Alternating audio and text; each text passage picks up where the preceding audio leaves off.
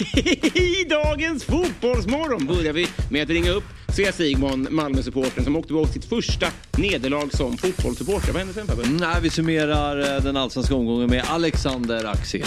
Sen var trevligt. Och vi summerar den Premier Leagueska omgången tillsammans med Jonas Olsson. Och sen kom Norin Gerzic in och kastade ut mig. Ja precis, och han har ett väldigt intressant gräv. Mm. Eh, konstgräs versus naturgräs. Och det ska vi snacka lite om. Väldigt ja. intressant. Väldigt intressant. Fabian Ahlstrand, Robin Berglund, David Fjell och ni, ni hänger med. Tune in!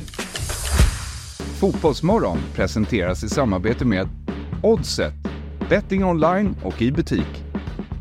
EA Sports, FC 24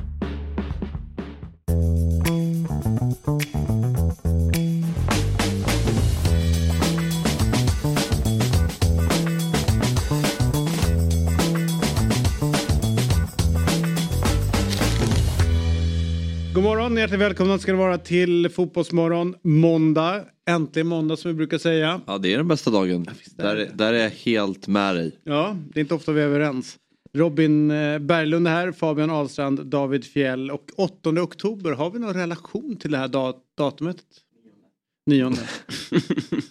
Nej. Det är ju det är fredag den 13 den här månaden. Eh, ja, det är på fredag. Ja. ja. men är du rädd för den dagen? Nej, absolut inte. Jag bara konstaterar. Ja. Så folk som är lite rädda, se upp. Se upp. Ja. Det är roligt när man är ute och flyger och de eh, på vissa eh, flygbolag har ju valt att hoppa över rad 13. Ja, just det. Hotellrum och sånt där tror jag också inte ja. finns ibland. Oj. Men när man börjar räkna så är det ju faktiskt felskrivet. Det är ju rad 13 de sitter på. Att man sitter på 14? Fast det är 13. Ja, det blir bara värre. Ja, eller hur? du kan inte lura mig, jag vet vilken rad jag sitter på. Eller hur, visst är det sjukt? Ja. Ja men det är inte 13 du sitter på. Men jag har räknat till 13. Nej det är 14 faktiskt. Men skulle du tycka att det var mer relevant om det var en tom rad? med bortslitna stolar? Det har varit bättre så. Det var bättre då. Ja, för då har det varit tydligt. Vi sitter inte på rad 13. Men nu sitter vi på rad 13 mm. men vi kallar det för rad 14. Mm. Det är som att säga så här, jag bor i Finland. Just jag bor i Sverige. Men han är inte död, kolla han rör sig bara, det är du som drar i armarna. Exakt. Så känns det lite. du, eh, Eh, har du, eh, det är ju så att i de lägre divisionerna nu så börjar det ju röra på sig. Eh, det börjar dra ihop sig mm. till eh, att säsongen är slut. Just. Min extremt låga nivå som jag har spelat på i år så vet vi inte om eh, säsongen är slut för att det är eventuellt en uppgjord match i serien. Man vet det är din inte. serie? Ja. Och det var de som blev påverkade? Ja. Ja, spännande, så då kan det bli en lång ska vi, berätta, ska vi berätta lite grann för folk som kanske inte har lyssnat på det mm. vad det handlar om? Så är det så att jag spelar ett lag eh, och vi låg på andra plats. Vi hade plus 20 plus mål. Just det, till trea. utsikten så att folk vet. Exakt, ja. utsikten i, i superettan. Eh, och eh, sen så möttes då trean och fyran typen och liknande i serien. Mm. Och eh, då då måste ju de vinna med 21 mål för att gå förbi oss, ja. de som ligger trea. Känns ganska svårt. Ja, de vinner alltså matchen med 23-2. Ja. Och gör fem mål på övertid. På övertid. Ja. Och Eller mer än fem mål tror jag på övertid. Ja. Åtta, åtta kastar. En kille blir helt plötsligt bäst i världen och vinner fem mål. ja. Det var ändå samma spelare. Och, och att domaren lägger på tio minuter när det står 18-2. Alltså alla ja, just det, det stod just det. Ja, det fem mål. Tio minuter stillestånd. Ja. Så alla delar är inblandade? Domaren? Ja. Nej men man vet inte. Nej, alltså, nej, nej, nej, det är för att jag... Alltså, jag, jag pop, pop, pop, eh, Stämmer inte. Nej. Hypotetiskt då. Vi, vi, Potentiellt så skulle det kunna vara så att domaren också är lite shady men det vet man inte. Men en, en stor känga till förbundet här tycker jag. Som sista omgången oavsett division ska alltid Nej, spela samtidigt. Nej exakt det är det jag säger. För grejen är att det, det jag tänkte landa i någonstans. Att oavsett vad man tycker och tänker om eh, liksom vilken nivå det är ja. och så. Så är det ganska långt ner så har vi ganska stora problem med att folk bettar på matcher. Mm. Eh, och eh, då tänker man så här, ska man inte göra det så svårt som möjligt för folk att ett betta på matcher mm. eller kanske så här, göra upp matcher. Då är det ju så att sista omgången kan ju oavsett nivå ja, aldrig spelas på olika tider. Nej. Det måste avgöras samtidigt. Ja. Och det är därför man liksom, man ger ju folk möjligheter att hålla på och fuska. Ja. Så jag angriper problemet i ro, roligande, men jag förstår vad ni menar. Mm. Men får jag fråga då? Vi, eh, jag har väldigt dålig koll på spel... Eh... Schema. Det är så att man möts två gånger, hemma och borta. De som är flest mål vinner. Ja. Jag har också dålig, det är jag dålig koll på. Det ska vi ta ett, e- ett specialprogram för. Men jag har också väldigt dålig koll på hur matchfixning går till. Vi, vi, eh, hur, om vi säger att Fabbe, du får en miljard när du möter ett eh, dåligt lag. Om jag tar gult Inte gud, men hur mycket kan du påverka själv? Innan dina, dina medspelare slår ner dig till exempel. Jaha. Hur mycket kan man skådespela dålig fotbollsspelare? Ja. Alltså, nu, nu, kan jag inte säga vem det var men vi har ju ett program här som heter Eurotalk på Dobb. Mm. Och vi hade en eh, landslagsspelare på besök där som relativt nyligen hade börjat spela i Italien då. Mm. Anledningen till att jag inte kan säga namnet är att det, det blir sånt jävla liv när han, när han sa det här. Jag tror, att han, jag tror att han orkar med. Jag kommer ihåg det här. Och han konstaterar en match när han spelat. Han fattar inte vad, vad de andra i laget höll på med. Sitt lag? Ja. Oj. Därför att eh, så här, hemjobbet. Det var ingen som tog i. Utan han liksom kunde springa förbi liksom rätt många folk på, när han jobbade hemåt. Eller vet han slå en passning som inte är på någon utan rullar vidare. Han var så här, det här. Mm. Så det är rätt många som har en jobbig match idag. Ja. Han själv var ganska trött liksom.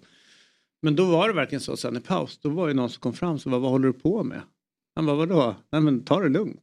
Så vi, det här är inte den matchen vi ska vinna i år. Mm, det är sjukt. Det är sjukt. Och väldigt starkt att tänka så mitt under matchen. Jag, jag är helt övertygad om alltså, att jag har spelat matcher där, där det har varit eh, spel inblandat. Jag är helt övertygad om det. Jag... Semin i Dobbelcupen till exempel. Det var en sån där du kände att nu har ju ni fått pengar här. Ja, ja. ja då får man få Marcelo spela. Släpp honom. Det ska, ska du säga. Men jag är helt övertygad om att man har spelat matcher genom åren som varit som inblandat i spel. Ja. Uh, men att tänka det under matchen, det är helt... Uh... Ja, men, men, att de andra är så dåliga så att man börjar fundera ja, på det, då ja. är det ändå ganska ja, häpnadsväckande. Sen kan man ju säga att sen har man ju själv kanske gjort misstag på, på planen som folk tror skulle kunna vara uppgjort men det inte har varit. Alltså, det är, alltså, man, det är, det är så svårt alltid, man kan ju inte alltid fastslå att det här är liksom fusk. Nej. Utan det kan ju faktiskt vara någon som är hjärnsläpp också. Mm. Men det är betyget under överstruken geting. Det är när det kommer fram en matchkontrollant och säger följ med här. Ja. Tänk om ja. de hade adderat det i sporttidningarna. Det vore jävligt roligt. I betygsskalan. Under ätning till överstruken geting. Det är Nej, men under ett... misstänkt för. Ja exakt. Bör kollas upp för potentiell matchfixning. man har ju några i Gnaget man undrar över i år. Jesus. Har jag kommit till polisen? Ja. Har några AIK. det, är, det är bra om man är riktigt, om man är riktigt besviken med polisen. Ja. Eh, det var ju en AIK-ledare som ringde polisen när han eh, stod hemma och kollade ner på folk som jobbar på gatan. Då ringer han ju 112 och eh, anmäler tre personer som är döda. Och då säger han så här, vadå? De står upp och är döda. Men det kan inte vara sant. Nej. De är döda och de står upp nere på gatan. Tre pers döda inringt. Det är ju i storlarm ja. liksom. Så drar jag ut i den här gatan. Så ringer de så här. De är inte döda. Det är fyra pers som står här och jobbar. Konstigt. Det var en som har jobbat och tre som har stått och kollat på. Haverist. Ja, jo. Om du, ja, han är lätt, han har sådana drag. Men eh, så här är det, vi höll på med, ja men snabbt bara på division 7 och division 6. Jag var nere i division 7 mm. och fick den här matchen mot oss. Men hur fan gick det för er i Stocksund? Ja, vi vann sista matchen. Ja, just det. Eh, 3-2. Så du, eh. ni, har, ni hängde kvar? Ja, ja, vi slutade fyra. Uh, mötte laget som kom tvåa. Uh, som troligtvis kommer gå upp som bästa två. Det är ju så här tre bästa två eller någonting går upp till division 5. Det är fem lag. Uh, kommer, vi mötas, i serien. kommer vi mötas nästa år? Det kommer vi göra Om eller? ni går upp så tror jag att ja, vi kommer gå upp. Ja men då tror jag att vi gör det. Då måste du fortsätta träna ja. dem. Ja, Åh, den matchen ska jag köra. Herregud. Tänk om fel avgör. Det, kan, det är ganska stor chans. Ja, då är man... Alltså bakåt. Nej, nej. Kommer, kommer det avgå? Om det är så att vårt, våra lag möts och jag avgör matchen, då måste det avgå. Ja, det kommer avgå vissa, som människa. Ja, vissa resultat kan inte en tränare sitta kvar nej, och vid. Ens leva vidare med. nej, det hade ju varit... Nej, det hade han varit... står upp men han lever inte. Nej, exakt. Hur ska man hämta sig? han är död. Fast han har precis tränat ett lag. Han är död säger jag. Men så här är det att vi har ju Sveriges enda supporter med oss nu. Mm. Svea Sigmund. Eh, för er som inte tänkt med från dag ett så är det så här. Eh, Svea sa vid ett svagt ögonblick till mig att hon aldrig hade varit på fotboll. Det tyckte jag var konstigt. En människa kan inte kalla sig för människa om man inte varit på en fotbollsmatch. Mm.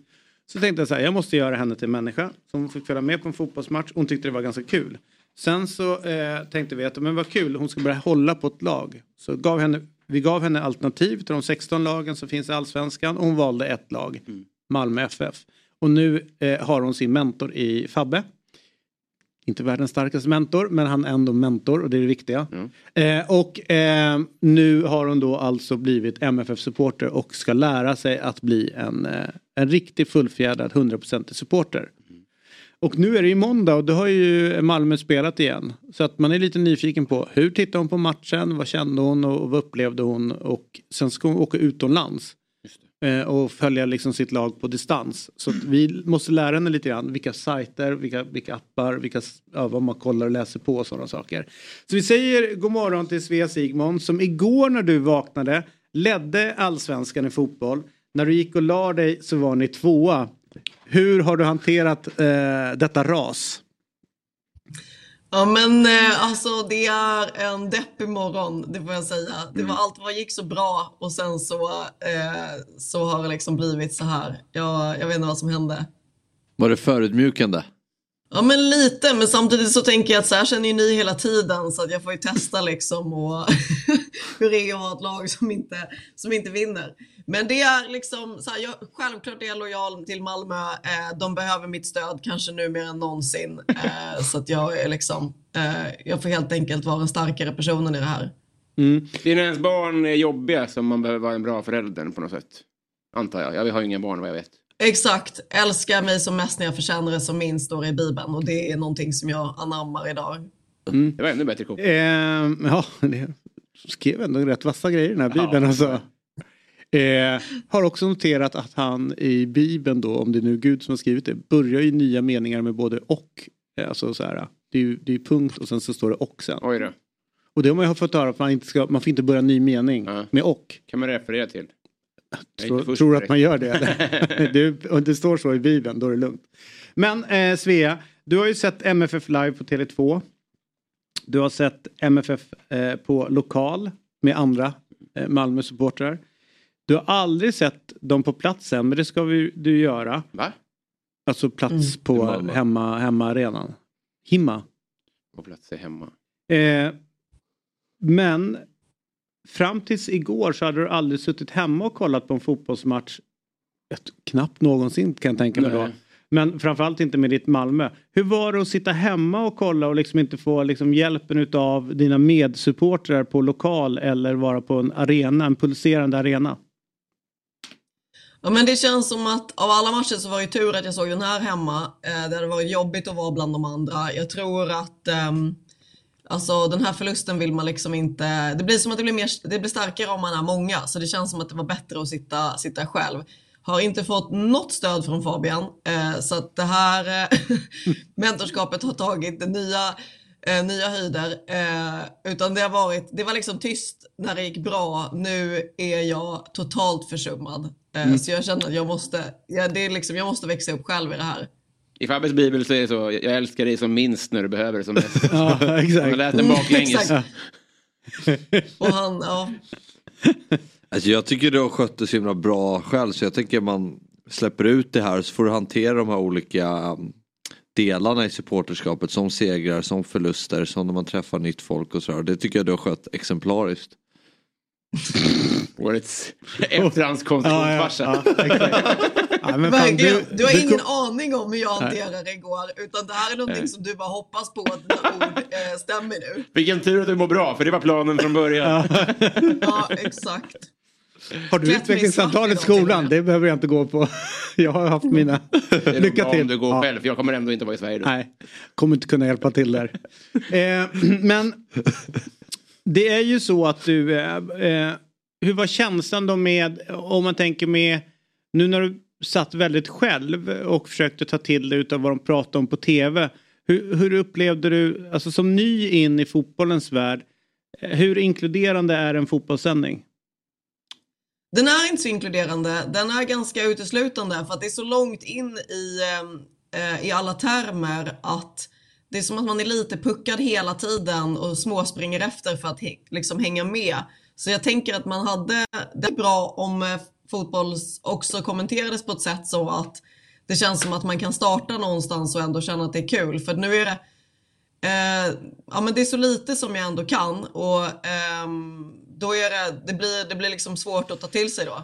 Det är en ganska intressant tanke det där Mm. för att eh, jag vet ju, att, eh, vi har ju sagt det någon gång här tidigare, på SVT så pratar man ju väldigt mycket när det är mästerskap att man måste vara breda. Och det märker man. Att man måste förklara tydligt. saker.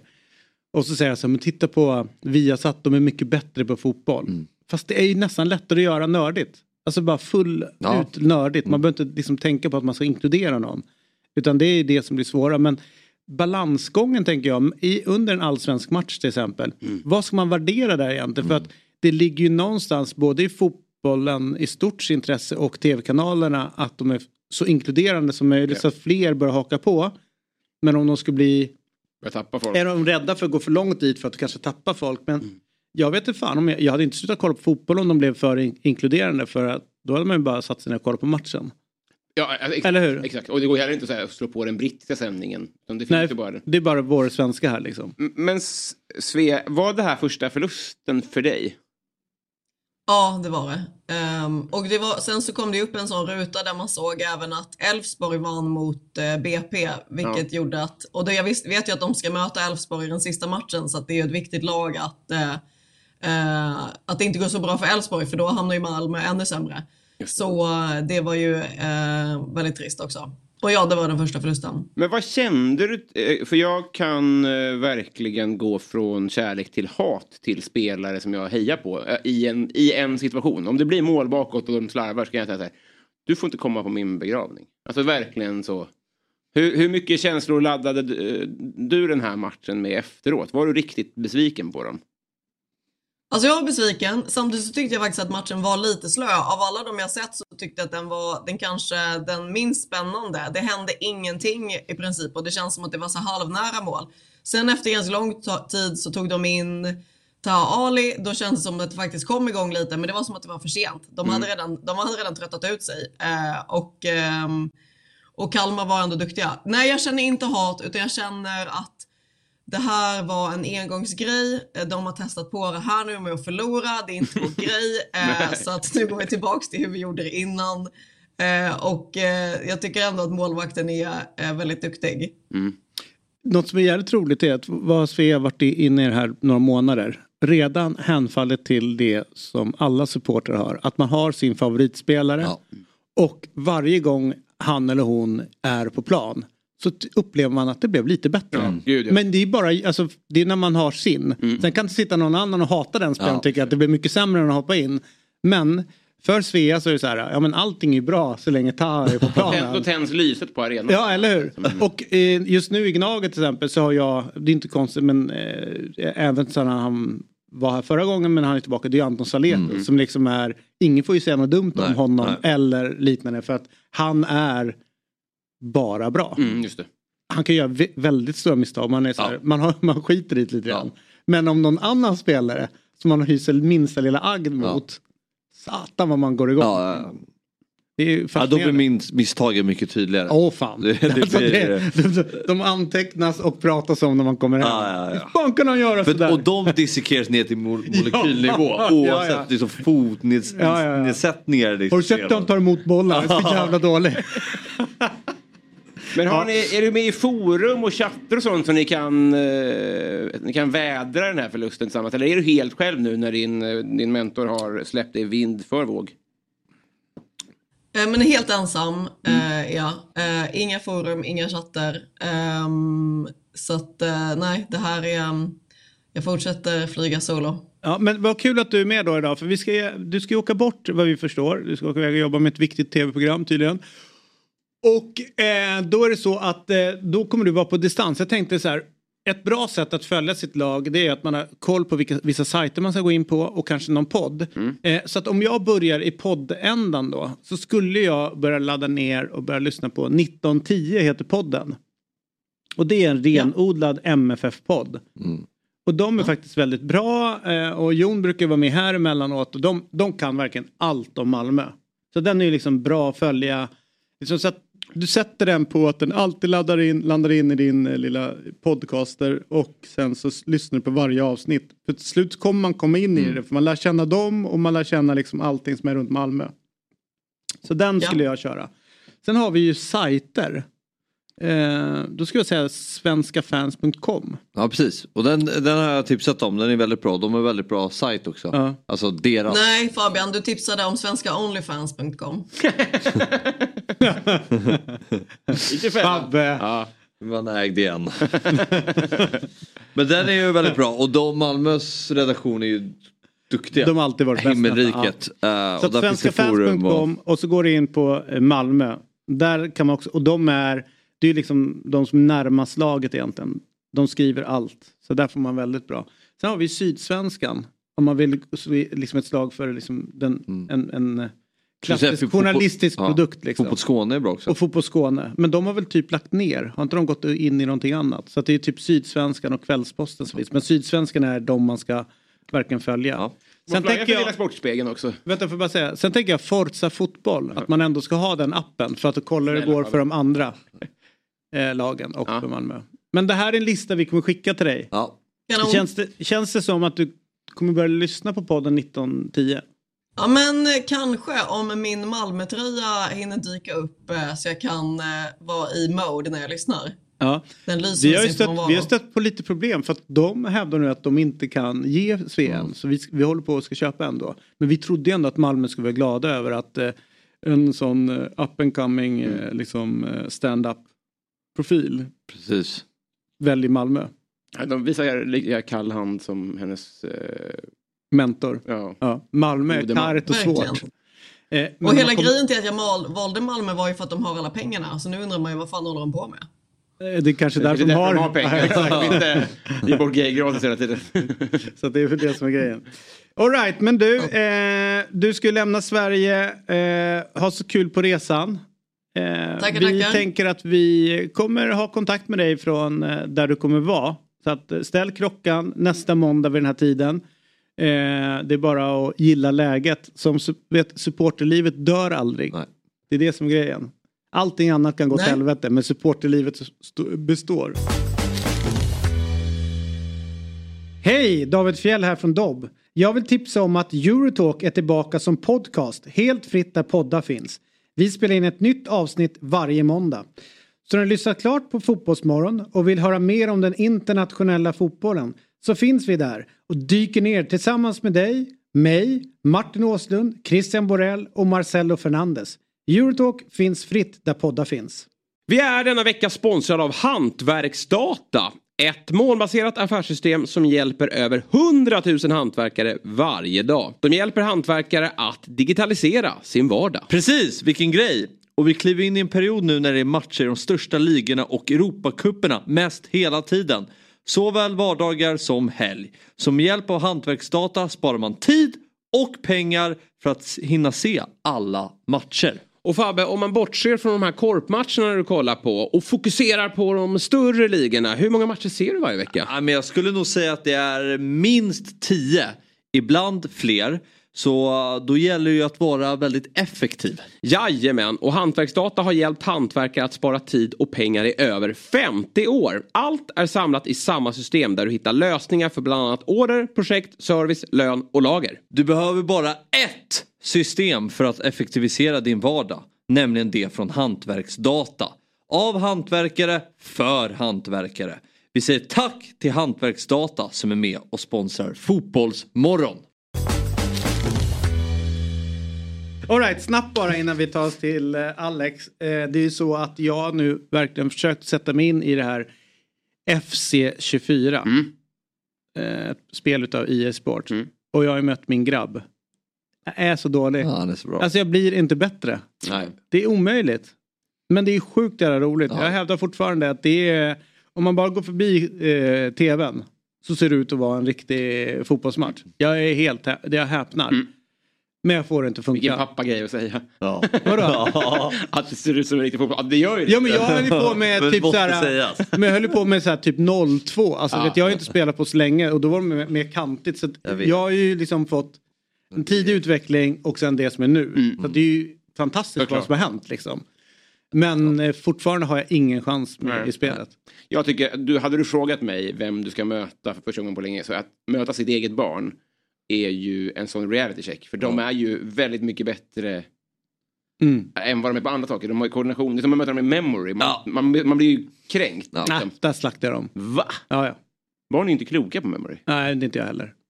Okej, ja då var det ingenting. Nej, men däremot det här. Så nu sitter jag och spelar lite grann själv i smyg.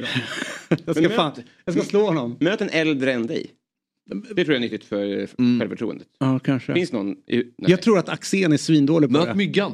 Nej, men han, är, han slaktar mig. Och ja, då, då vet du dålig ja. Ja, för ni tycker myggan är dålig. Ja. Myggan kör ju med mus. Ja, ja, jaga musen. Ja. Men eh, nej, han slaktade mig med typ 10 mål. Herregud, då, vet- då, har, då har vi inget motbud. Eller Det hur? är väl bara Svea Jo, kanske? nej. Eh, jag tror Elsa Alm är, är på min nivå. Okej, ja. Så vi ska ta en match på onsdag eventuellt. det blir kul. Ja. Eller jag vet inte om det, det är väl ingenting man vill se på heller. Ja, det blir något Det kommer inte bli någon mål. tragedi. Ja. Eh, spelet imploderar. Just det, det, det, Så här kom, kan man inte spela. det kommer ner en matchdelegat och får med här. Ni får, ni får inte spela nu. Kommer från nio sport och hämtar skivan. Vi tackar e-sport som är med eh, oss eh, och eh, ja, testa FC24. Jag kan rekommendera det. Väldigt frustrerande men fantastiskt. Nu eh, ska vi ta oss vidare till måndagsavstämningen med vår favorit Alexander Axén. Eh, innan vi går in på det som har hänt på planen under helgen så har vi ett klipp vi behöver kolla på Alex som vi fick skicka till oss förra helgen. Vi ska kolla på det.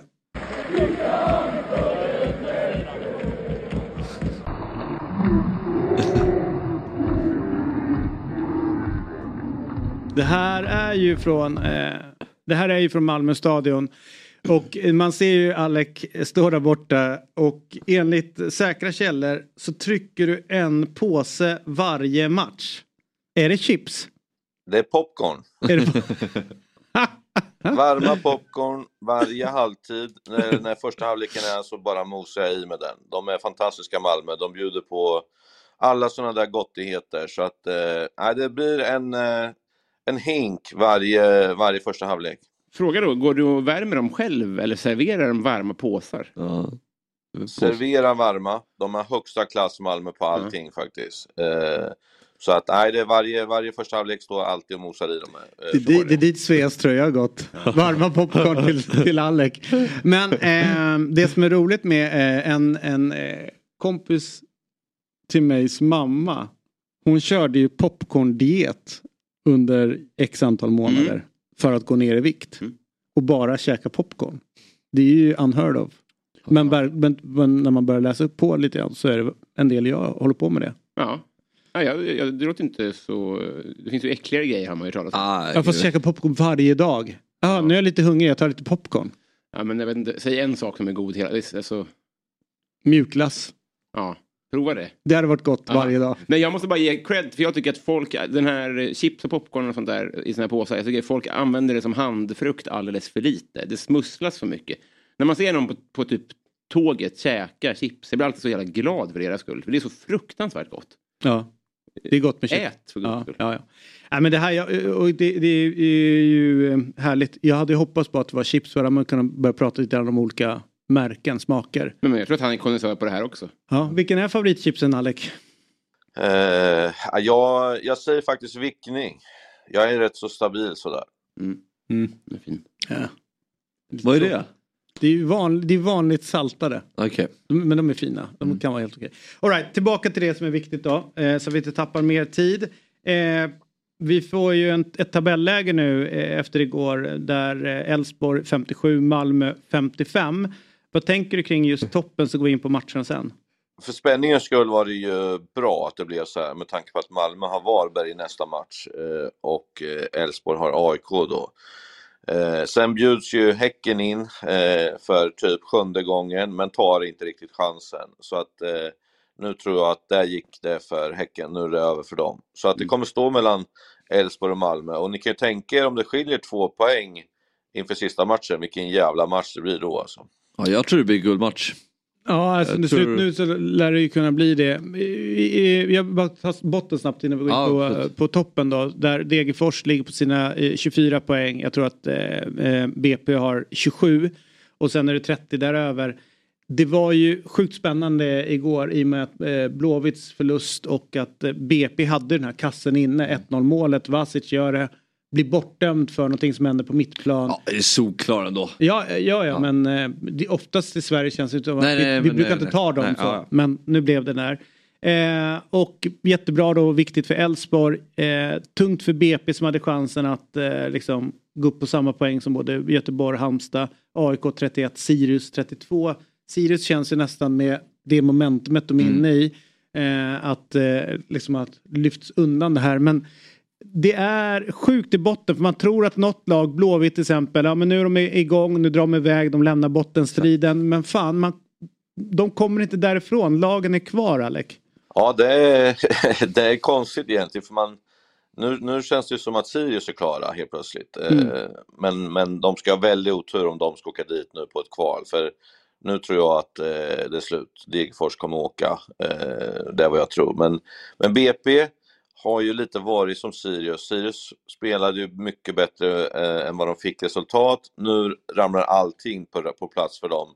Att folk ramlar och det är vändningar som är enorma och det är liksom orkar liksom hålla emot första 20-25 mot IFK Göteborg Mm. och sen tar en, en chans och sätter den typ sådär. Så att eh, eh, BP är motsatsen till Sirius. De är i ett riktigt bakflyt alltså. De kommer få det jättejobbigt.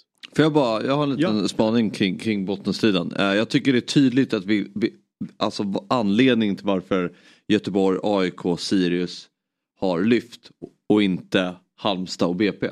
Det tycker jag är den direkt avgörande faktorn är sommarfönstret. De tre klubbarna nyförvärv har varit direkt vitala för att lagen har kunnat klättra. AIK, Anton Saletros, eh, Pittas har gjort viktiga mål.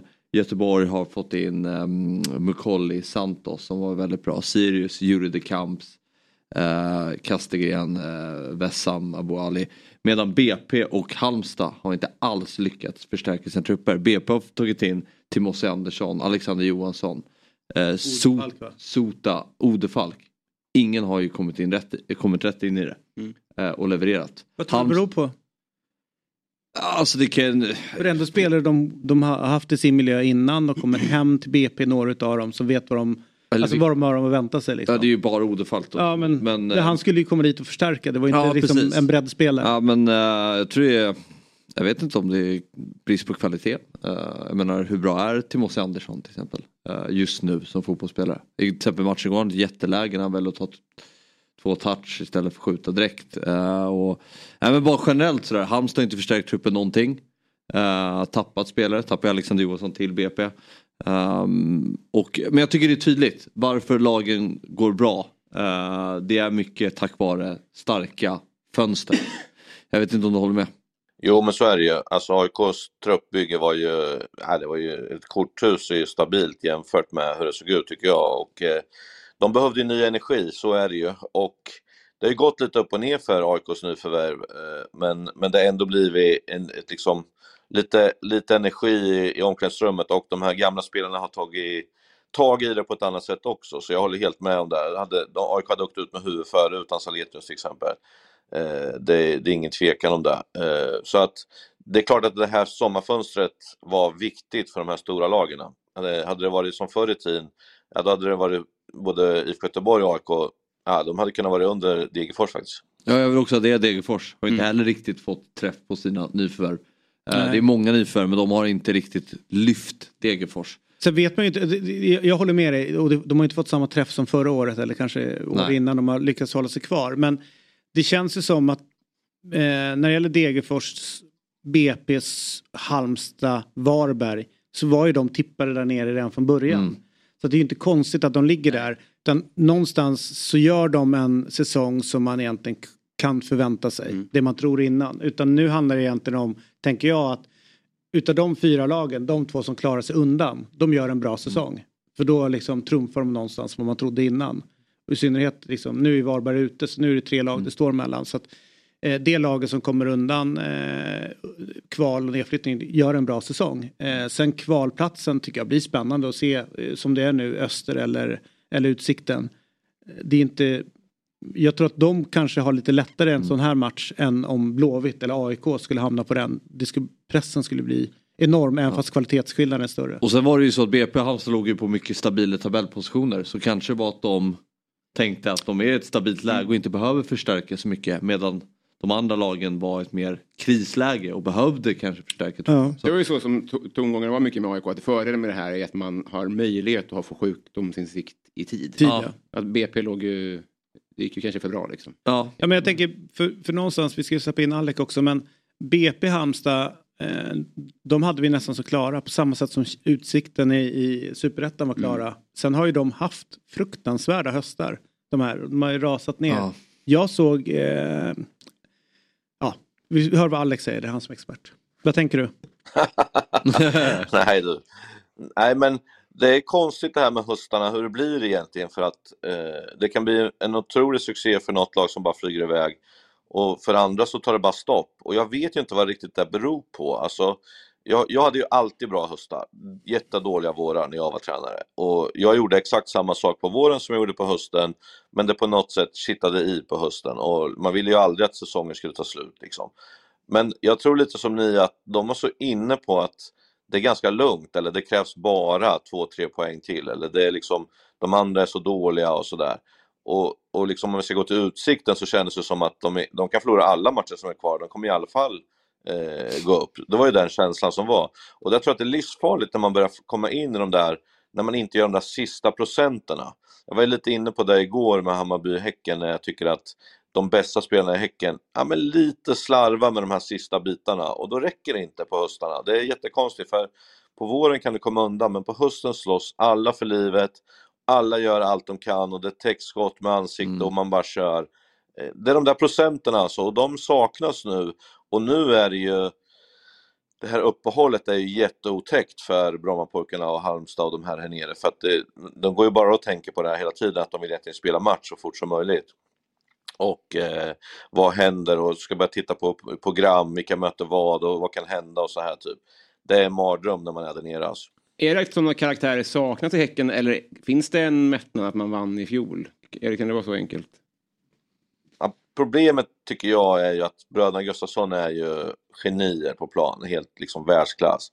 Men de, jag tror också att de är absolut svårast att ha att göra med som tränare liksom, för att de blir tjuriga om de inte får göra som de vill och när inte passningarna sitter perfekt då går de runt och grinar lite och så här. Men du kan inte göra någonting som tränare för att de är så jävla bra hela tiden.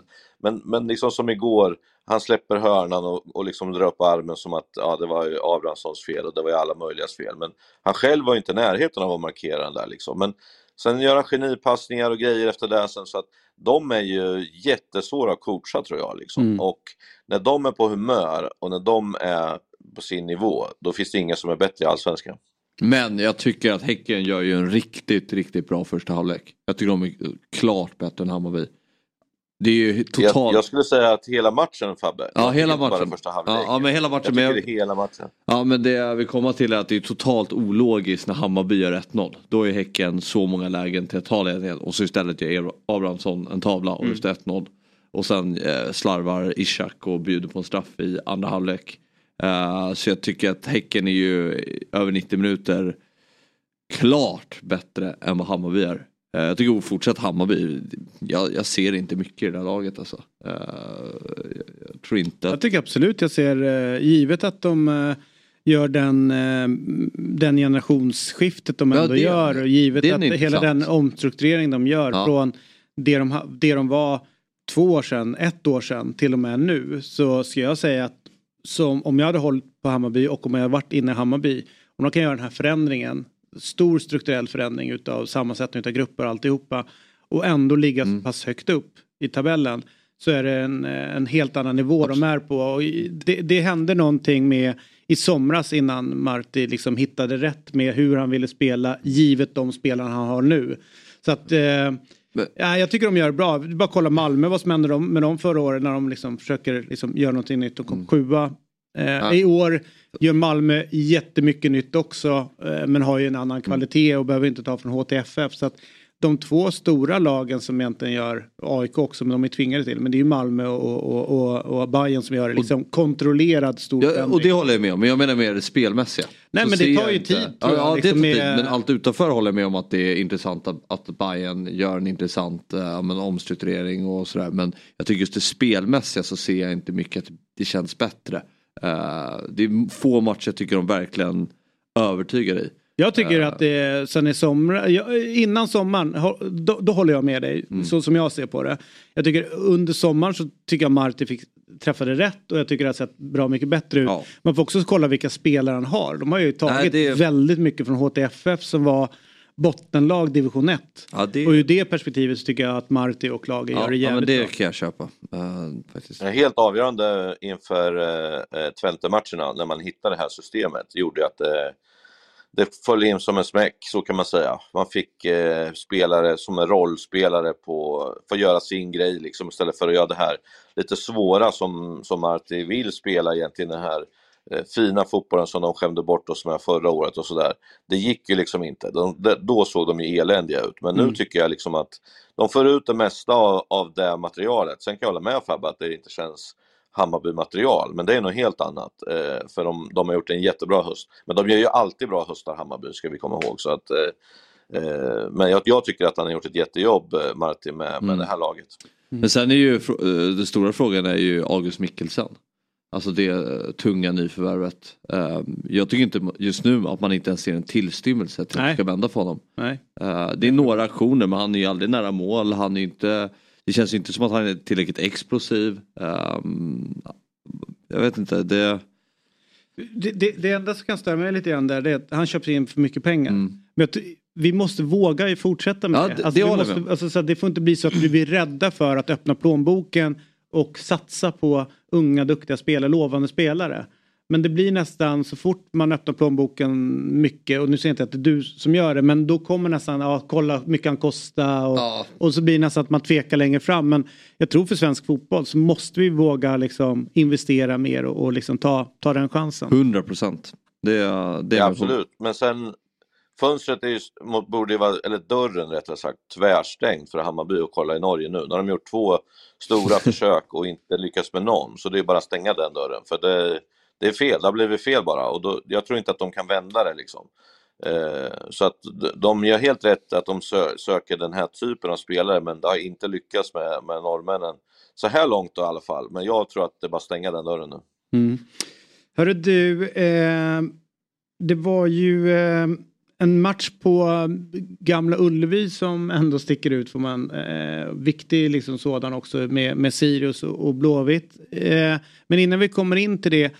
Det här med avtäckningen av Marcus Berg. Eh, har jag funderat lite på att det är svårt att hitta en bättre klubb att tacka av en legendar med tanke på att de kallas för Änglarna och de har den inmarschlåten och att ja, när man slutar så kommer man upp i himlen och blir en ängel och sådär liksom.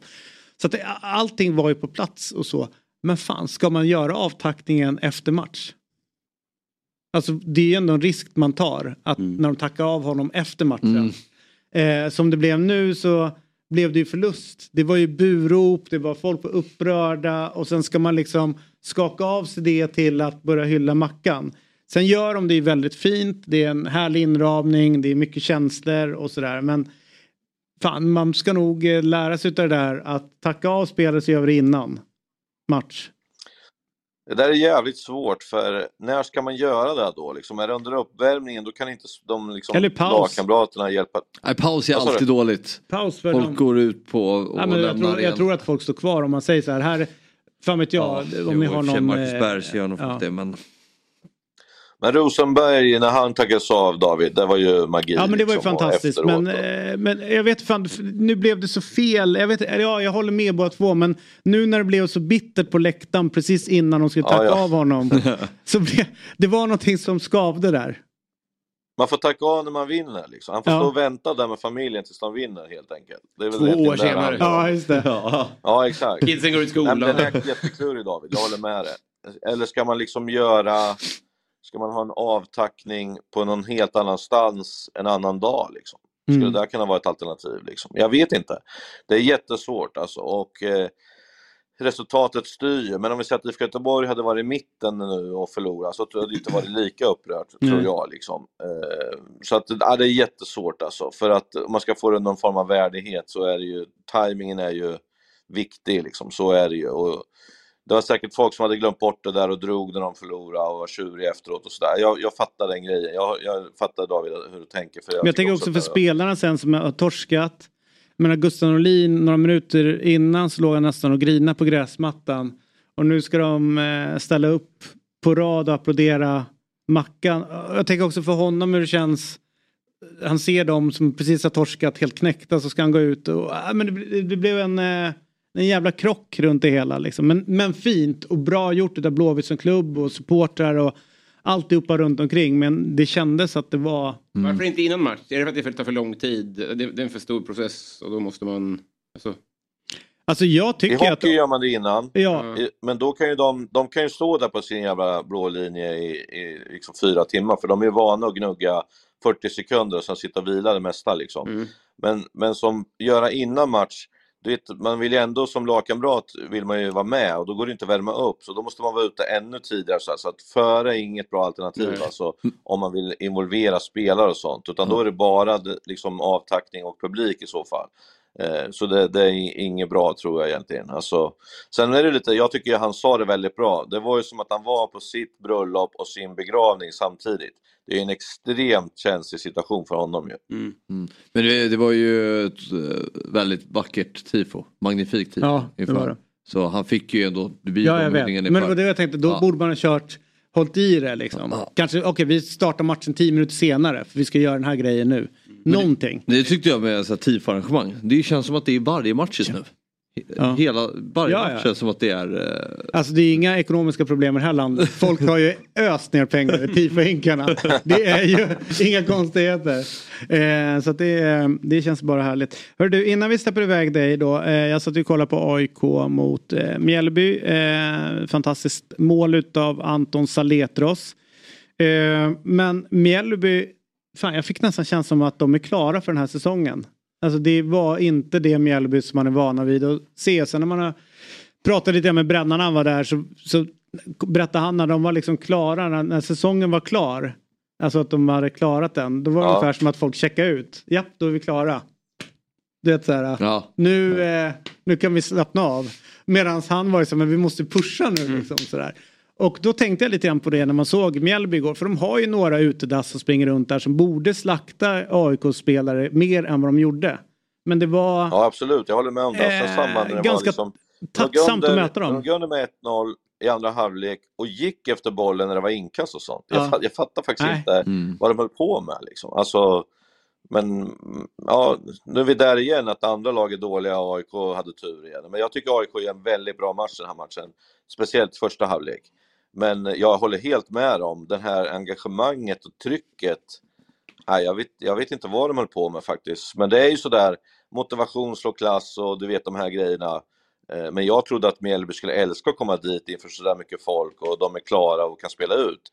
Istället blev det ju ingenting. Alltså, första halvlek är de ju i tusen bitar. De kan inte pressa AIK någon gång. De är överallt och ingenstans och liksom att de kommer undan med, med 0-1 där, det ska de ju tacka målvakten för i det läget som är en otrolig räddning egentligen. Men eh, nej, jag håller med dig. Det, jag vet inte vad det var. Det var helt, det var jätteslakt liksom. De borde passa på att tacka av 20 pers nu. Det är perfekt läge att tacka av någon. när, när det inte gör någonting att man torskar. Ta de 20 äldsta bara, gör ett generationsskifte. direkt Ja. rakt av. Tack, tack. Ja. Men jag har ju... Ja, det skiter vi Kan du gå bort till minkarna där och fortsätta jobba där nere? Jag har gjort ett tifo. Minktifo.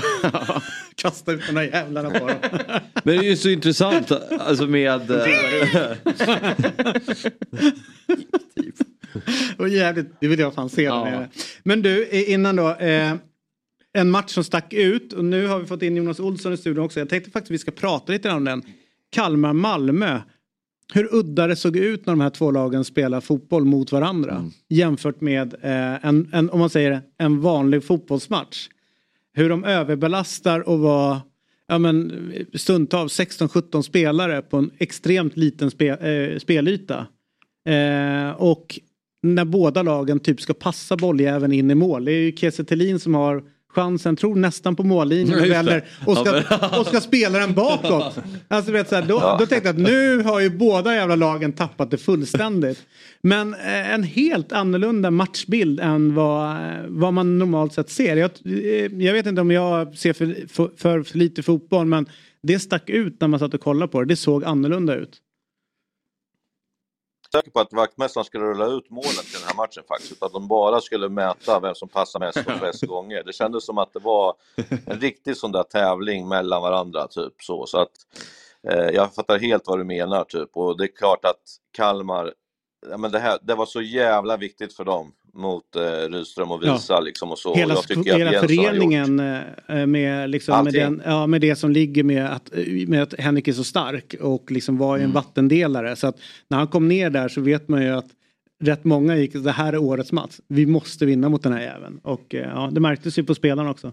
Och publiken. Ja absolut och, och liksom publiken, det var 300-400 som inte eh, var där typ överhuvudtaget så att det här var ju en extremt viktig match för Kalmar och som jag sa, Jensen har gjort ett, han tog egentligen ett omöjligt uppdrag för att eh, eh, Henrik har ju charmat liksom med Kalmar och allting och alla hyllar så mycket och det var liksom allt kan ju bara bli sämre. Jag tycker att han har gjort en otroligt bra överväxling där liksom och eh, gjort det på ett grymt sätt. Så all heder till honom typ sådär. Och jag säger fortfarande att Malmö, jag tycker inte att de fungerar som ett lag på det sättet som de gjorde förut, utan det är mycket individuell skicklighet som har gjort att de har vunnit matcher.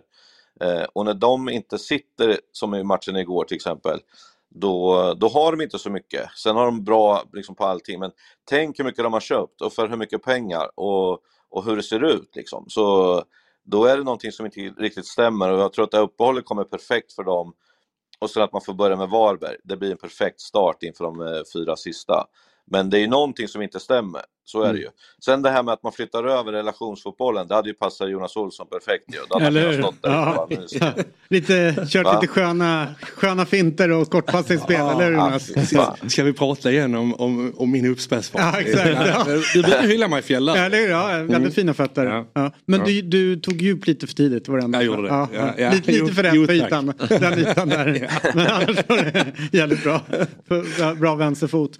Eh, nej men eh, jag vet inte, jag blir, nästan, jag blir liksom inte riktigt klok på det. För det kändes nästan som att Kalmar visste att Malmö skulle komma dit och spela sin relationsfotboll. Och då var det så här, men då ska vi, då ska vi också göra det. Alltså det, det var nästan, nu, nu går båda två upp mot det. Men alltså jag känner mer så här, Eh, om man möter dem, varför inte börja liksom exploatera de ytorna som finns? Alltså att, hur, hur ska man göra för att... Eh, jag vet inte, det, jag blev väldigt, väldigt pressad när jag såg det här. För det finns ju sjukt mycket ytor eh, när, när man packar ihop det på det här sättet. Så det måste gå att svara på det på ett annorlunda sätt. Ja, vi hade gjort ett reportage med Jensen innan ju, där han sa att vi ska in bakom deras vingbackar. Eh, det är det som är vårt mål den här matchen och sådana saker.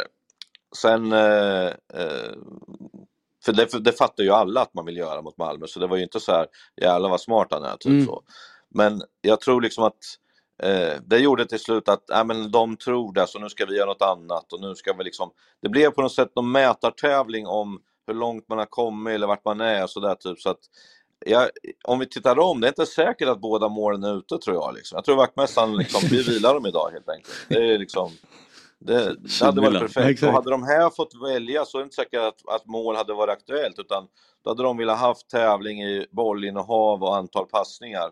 Skit i målen liksom. Så känns det ändå ibland samt, när man tittar på matcher. Det är mycket Malmö-supportrar som skriver till mig under matcher och bara det är så jävla tråkigt och det går så långsamt och det ska bara hållas boll och sådär typ.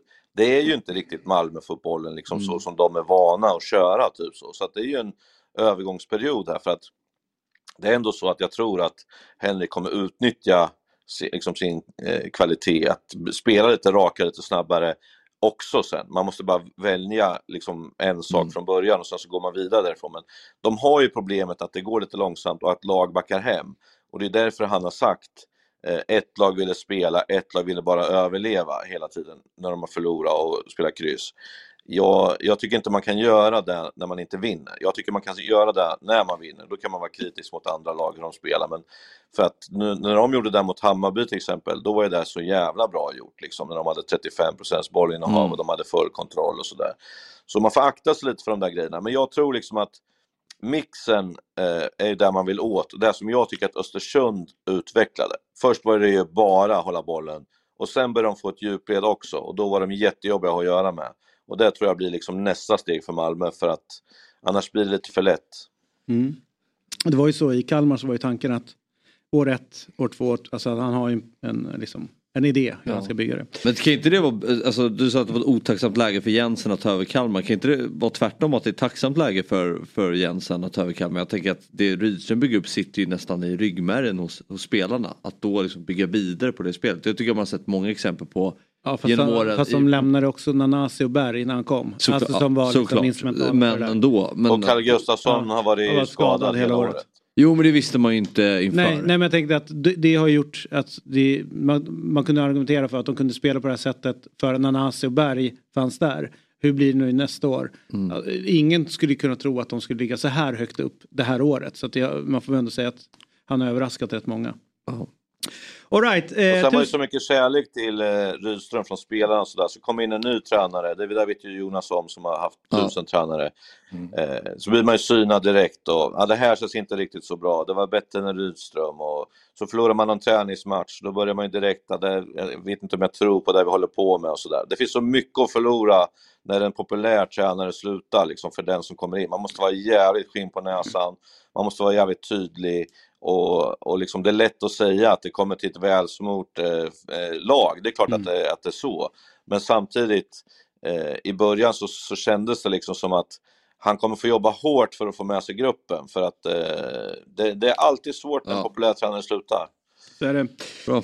Härligt. Tusen tack för den här morgonen Alec. Du gör ett jävla Ja. jobb för Dart-Sverige, det måste jag säga. Jag är deppig idag. Han förlorade min kille igår i finalen i Grand Prix. Eh, så, ah, fy fan vad tjurig jag var, så det kan jag säga. Men vi tar nya tag. Det är Ja, det nya tävlingar. Idag till exempel så börjar det på Modus superserie. Gå på Youtube ungefär vid 11. Två svenskar som är med i tävling. Det går liksom varje dag fram till lördag. Ett tips för de som är lite sugna att kolla på dart. Mm. Vi som gillar fotboll och vi som gillar sport, kolla på det alltså. Det Härligt. finns på luren säga om så det är här? något. Jag tror att Jonas är svinbra på dart. Nej, nej, nej, nej, det Jag tror har inte varit i Stoke en del och tittat på Dart. Feel the Ja, power ser. och så vidare. Visst fan är det kul? Ja det är Visst riktigt det kul? Och sen har jag bott i Holland också. Ja. Där, är ju Ja, det också är väldigt stort. bra. Ja, det är väldigt kul. Bra Nej. tips. Jag, Men jag, varför, varför är du inte bra på dart Jonas? Det är klart att du är Jag bra har på dart. ju, ja, det är en bra fråga. Jag har väl varit på för lite pubbar. Ja, exakt. Han var, han var för, bra, för bra på fotboll. Jag tänkte när du spelar de där lagen, West Bromwich och grejer, att vara för lite på puben, det tror jag inte ett dugg på. Det. Nej, du har kanske en, eh, en poäng där. Jag vill, låter det vara osagt. Men kan du vara för lång? Kan man vara, nej, det hävar men det var bra liksom. Du får kasta menar, den ner. här vinkeln. eh, Bara släpper den. Åker ner i backen varje gång. Fan, det kommer inte framåt. Ja, härligt. Eh, Alex, tusen tack för den här morgonen. Ja, vi hörs boys. Alldeles Ja. strax så ska vi prata Premier League med Jonas Olsson. Men först ska vi ta en liten, liten paus. Ett poddtips från Podplay. I podden Något Kaiko garanterar östgötarna Brutti och jag, Davva, dig en stor dos skratt. Där följer jag pladask för köttätandet igen. Man är lite som en jävla vampyr. Man har fått lite blodsmak och då måste man ha mer. Udda spaningar, fängslande anekdoter och en och annan arg rant. Jag måste ha mitt kaffe på morgonen för annars är jag ingen trevlig människa. Då är du ingen trevlig människa, punkt. Något Kaiko, hör du på Podplay. Därför är gardinerna. Då är vi tillbaka, Fotbollsmorgon. Jonas Olsson är på plats. Robin Berglund, Fabian Ahlstrand och David Fjell är här. Och vi sitter och pratar fotboll. Vi ska alldeles strax komma in på Premier League. Men vi pratar lite om identitet. Vad vill du säga där om Nej, jag, identitet? först vill jag säga att det är intressant att lyssna på Axén så vi kommer inte in och större där för Nej, nej, mycket. nej, nej. Det är väldigt intressant att lyssna på. Eh, nej, bara att, att för mig är det viktigt att när du spelar i ett lag eller följer ett lag att de har en tydlig identitet. Vi pratar om identitet med Malmö och Kalmar. Men man kommer inte ifrån också att det är en, jag menar, en värdering och beslutsfattning på planen. Någonstans har du en identitet men, men ser du ytor? Menar, vi hade en tränare i, West Brom som alltid sa att vår offensiva eh, identitet ska vara att spela där ytorna är. Liksom. Spela till de fördelaktiga ytorna. Sen om det är, är, är liksom att bygga upp lugnt bakifrån, ja det ville vi göra. Vi ville ha en, eh, en possession riktad fotboll men är ytorna Kliver ena, ena, laget på, ja men då kommer ytorna vara exakt, i djupet. ja. Spela där då. Eh, Men det- det, tycker jag är viktigt att ha med i Ja. den diskussionen. Att, att, Men det är det jag tycker är så konstigt för när man satt och kollade på det här. Eh, jag följer då Fluminense som är, liksom, det, Mm. de tränas av Fernando Diniz som får man ändå säga är Känns åslundskt att följa Fluminense fullt ut. Ja, exakt. Lite nördigt så här. Men det är Ja. kul. Det är dock väldigt intressant. Det är, han är ju, det är ju väldigt intressant att Ja, följa får honom. Ja, men, men skillnaden är där, han spelar här den här typen av fotboll men han har ju Ganso Mm. mitt på planen. Uh, ni vet han som kom fram typ som Neymar kanske något år innan var liksom the shit men slog aldrig i Europa och sen hade det jobbigt. Men under Fernando Denis har blivit så bra som alla hade hoppats på. Ja. Och det är klart att man kan spela en sån här typ av fotboll om man har ett, ett ultrageni Mm. som löser upp alltihopa. Och det gör ju att de också kan söka de ytorna för att han frigör ju bollen.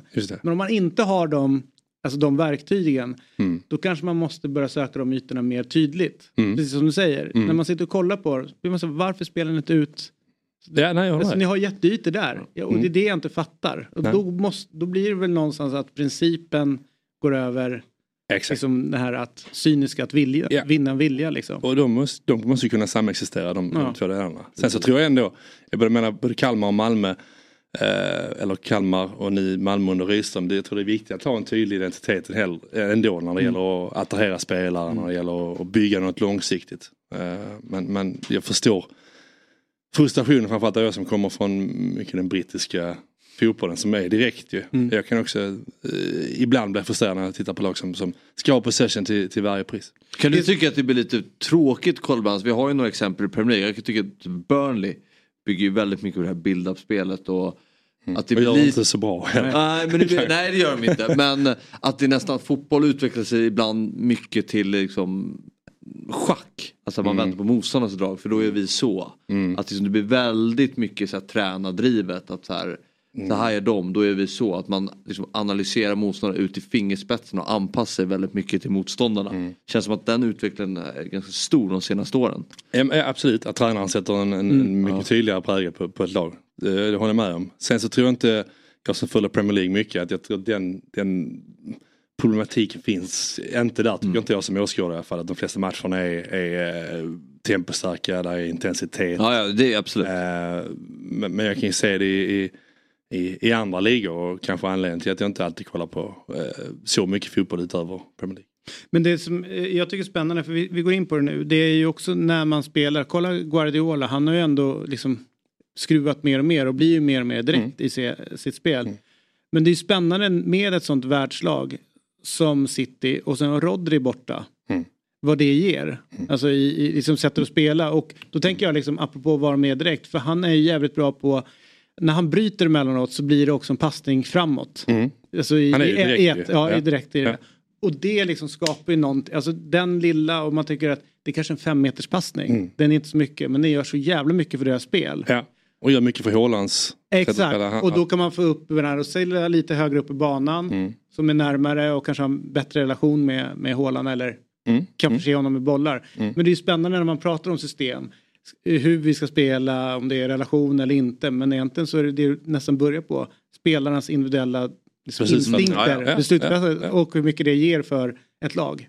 Verkligen. Nej, jag håller med dig helt. Och, och principer eh, och så vidare. Och, och, och bara återknyta till det med, med Guardiola. Där är ju han, det är kanske därför man ser honom som den bästa. Eller, eller Mm. många gör det i alla fall. Just för att han är inte så låst. Man ska prata med honom, hur vill Guardiola spela? Ja, han, han har ändå skruvat på Mm. hur, han har, hur han har spelat under, under City-tiden. Han har rekryterat utifrån som du sa, Rodri, Haaland är väl ett tydligt exempel att han vill vara lite rakare. Så att han är inte, han är inte låst i sitt sätt. Han inser att fotbollen är ett, eh, menar, så här, en organisk företeelse. Att det är trender som går i fotbollen och där är reaktioner på det. Där tycker jag han är, han är eh, hela tiden i framkant. Och det Så- känns som att han eh, nästan ser scenarion som han ger till spelarna. Att han Mm. får dem att se scenarion i matcher. Alltså olika typer av scenarion och agerar ut efter det. Mm. Sen håller jag med dig, för att du har sagt i någon intervju Jonas någon att det är ju väldigt här Ja, man kan prata mycket taktik men det är så mycket unika situationer som händer i en fotbollsmatch. Alltså andra bollar, du måste agera instinktivt. Liksom. Mm. Men där tror jag att Guardiola har ett steg till att han är väldigt bra på just att se det här att spelarna ska verka i olika scenarion Ja, nej, men exakt. då pratar man ju principer och man Ja, pratar om exakt. eh, roller i, i sin position utan att bli för mycket förbundet. men, eh, men, men så är det ju, precis som du Ja. säger, att ge dem, ge dem ramar som är ganska tydliga men också ge dem utrymme att, eh, jag menar det, det, om man tittar på City spelare så är det ju spelare som är extremt spelintelligenta i min uppfattning och precis som du säger att de, alla som har spelat fotboll. Liksom, att, ja, Du, har, du har en eh, föraning om hur en match ska vara men, men menar, eh, även i slutet av min karriär jag dyker upp situationer i matcher som man, aldrig, som man inte har upplevt tidigare. Då får du försöka hantera dem utifrån Sen din det- värdering och precis vad Sen är det spännande tycker jag med det Guardiola pratade väldigt mycket om när han kom till England. Jag har hört att han fortfarande liksom kan, kan nämna det. Zlatan var helt chockad när han kom dit. Det är ju det som händer i slutet av matcher just i England med andra bollspelet. Mm. Och hur mycket han hatar det. Därför Mm. att det blir verkligen chans. Alltså, när, det, när det dimper ner. Så är det- Hela mm. den, den delen, det går ju liksom inte heller att träna upp en sån utan det är ju liksom instinkter eh, Mm. eller det som händer, stundens ingivelse och sådär liksom. Så Mm. Det är därför eh, det här med att kontrollera matcher, han är ju besatt av att, han pratade lite grann igår att liksom kontrollen liksom lite grann om Mm. Och- och- runt och- matchen. Men det är ju inte samma sak som vi pratade om innan med eh, hur man spelar utan Nej. det är ju mer hur man vill. Och det, där- och det är därför jag tror att jag menar, Kalmar, Malmö, City, vi ska inte jämföra de lagen för mycket men, men det, det, jag tror att det är ibland därför det blir så utifrån kanske överdrivet possession-inriktat eller, eller eh, styrt. Just för att det är så behov av att kontrollera matcherna i alla delar av matchen. Och, och det är liksom risk and reward som, som, som Åslund brukar prata om. Liksom, att du har en riskkalkylering där i hur du vill spela. Och, och ja, då kanske den riskkalkyleringen blir fördelaktig när du spelar ditt spel ibland eh, kanske överdrivet eller ibland eh, eh, att du inte utgår från dem, eller vet du, du inte frångår de Nej, ramarna. nej. Det tror jag är en, en, eh, faktor i, i att ibland eh, eh, blir lite för eh, eh, vad heter det? Att du följer din identitet så, Mm. Så eh, troget. Något som jag tycker var eh, lite häftigt, det Arsenal lyckas med, det är ju, eh, eller Arteta, han har lyckats få de här eh, stora vinsterna. Alltså, Mhm. i- igår så var inte min känsla att, eller jag tycker inte att Arsenal var ett bättre laget. Nej. Eh, så Ja, men dålig match. Ja, det var ju liksom inte, och jag hade kanske hoppats lite mer på det. Men Mm. sen finns det ju grejer, ska Kovacic vara kvar på planen? Man kan Mm. argumentera för att han kanske ska ha haft ett rött kort och så vidare. Men det är ju bedömningar och så. Mm. Men det gör någonting med Arsenal, det gör någonting med Arteta och relationen mellan laget och publiken när de får de här segrarna och den här stämningen som var. Mm. Mm. Det är häftigt på något sätt. Eh, och den, kanske att man hade lite frågetecken kring Arsenal den här säsongen. Eh, sett till starten kanske inte var så flygande som man hoppats Nej. på. Men det här, det, de- det som hände igår, det är ju Mm. det är typ som en seger. Alltså ligaseger, Ja, den stämningen. Och de sista liksom, kanske frågetecknen som man har haft kring Arsenal. Liksom, att kan de hantera de här Mm. stora matcherna? Kan de göra resultat där? Eh, och, och Ja, man hade väl vissa frågetecken men det var också, det var också hur Arsenal spelade förra säsongen. Att, att de la ribban väldigt Mm. högt. Eh, Och men, idag, igår då utan Saka, vad, vad, vad ja, kommer utan, det? utan, eh, ja, precis. Så att det var ju... Det är ju nästan- Materialen kom in Ja. man också Bra. Jag tänker om man ehm, är Arsenal City just nu, ja, nu leder vi sin Tottenham Premier League, men jag tänker över en ettårsperiod, är det världens två bästa lag? Nej, inte Arsenal kanske, eh, men City är väl överlägset. Mm. Ar- Börjar inte Arsenal bli där uppe just nu? Ja, kanske. Alltså, jag tycker, ja, jo. Real har ju Mm. tappat ändå så här mycket, det är, man får ju vänta lite och se Real. Uh, Bayern är alltid Bayern.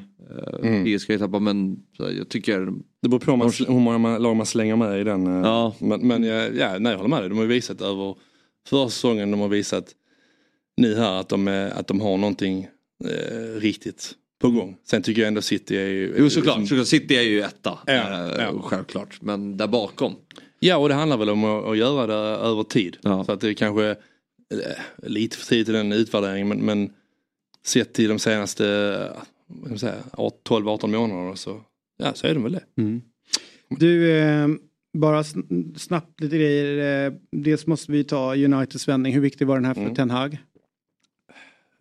viktig. Man ska inte undersk- underskatta, eh, det kan man ju inte göra, resultat. Nyet för de lagen, de måste göra resultat. Men sett till prestationen mot, mot Brentford så var det inte ett, ett fall framåt. Men, men ibland så kan ju en sån grej göra att... Att, eh, hela säsongen vänder ändå? Ja, sen är det frågetecken i, i, i United såklart. Eh, de frågetecken som, som är med Onana nu, målvakten.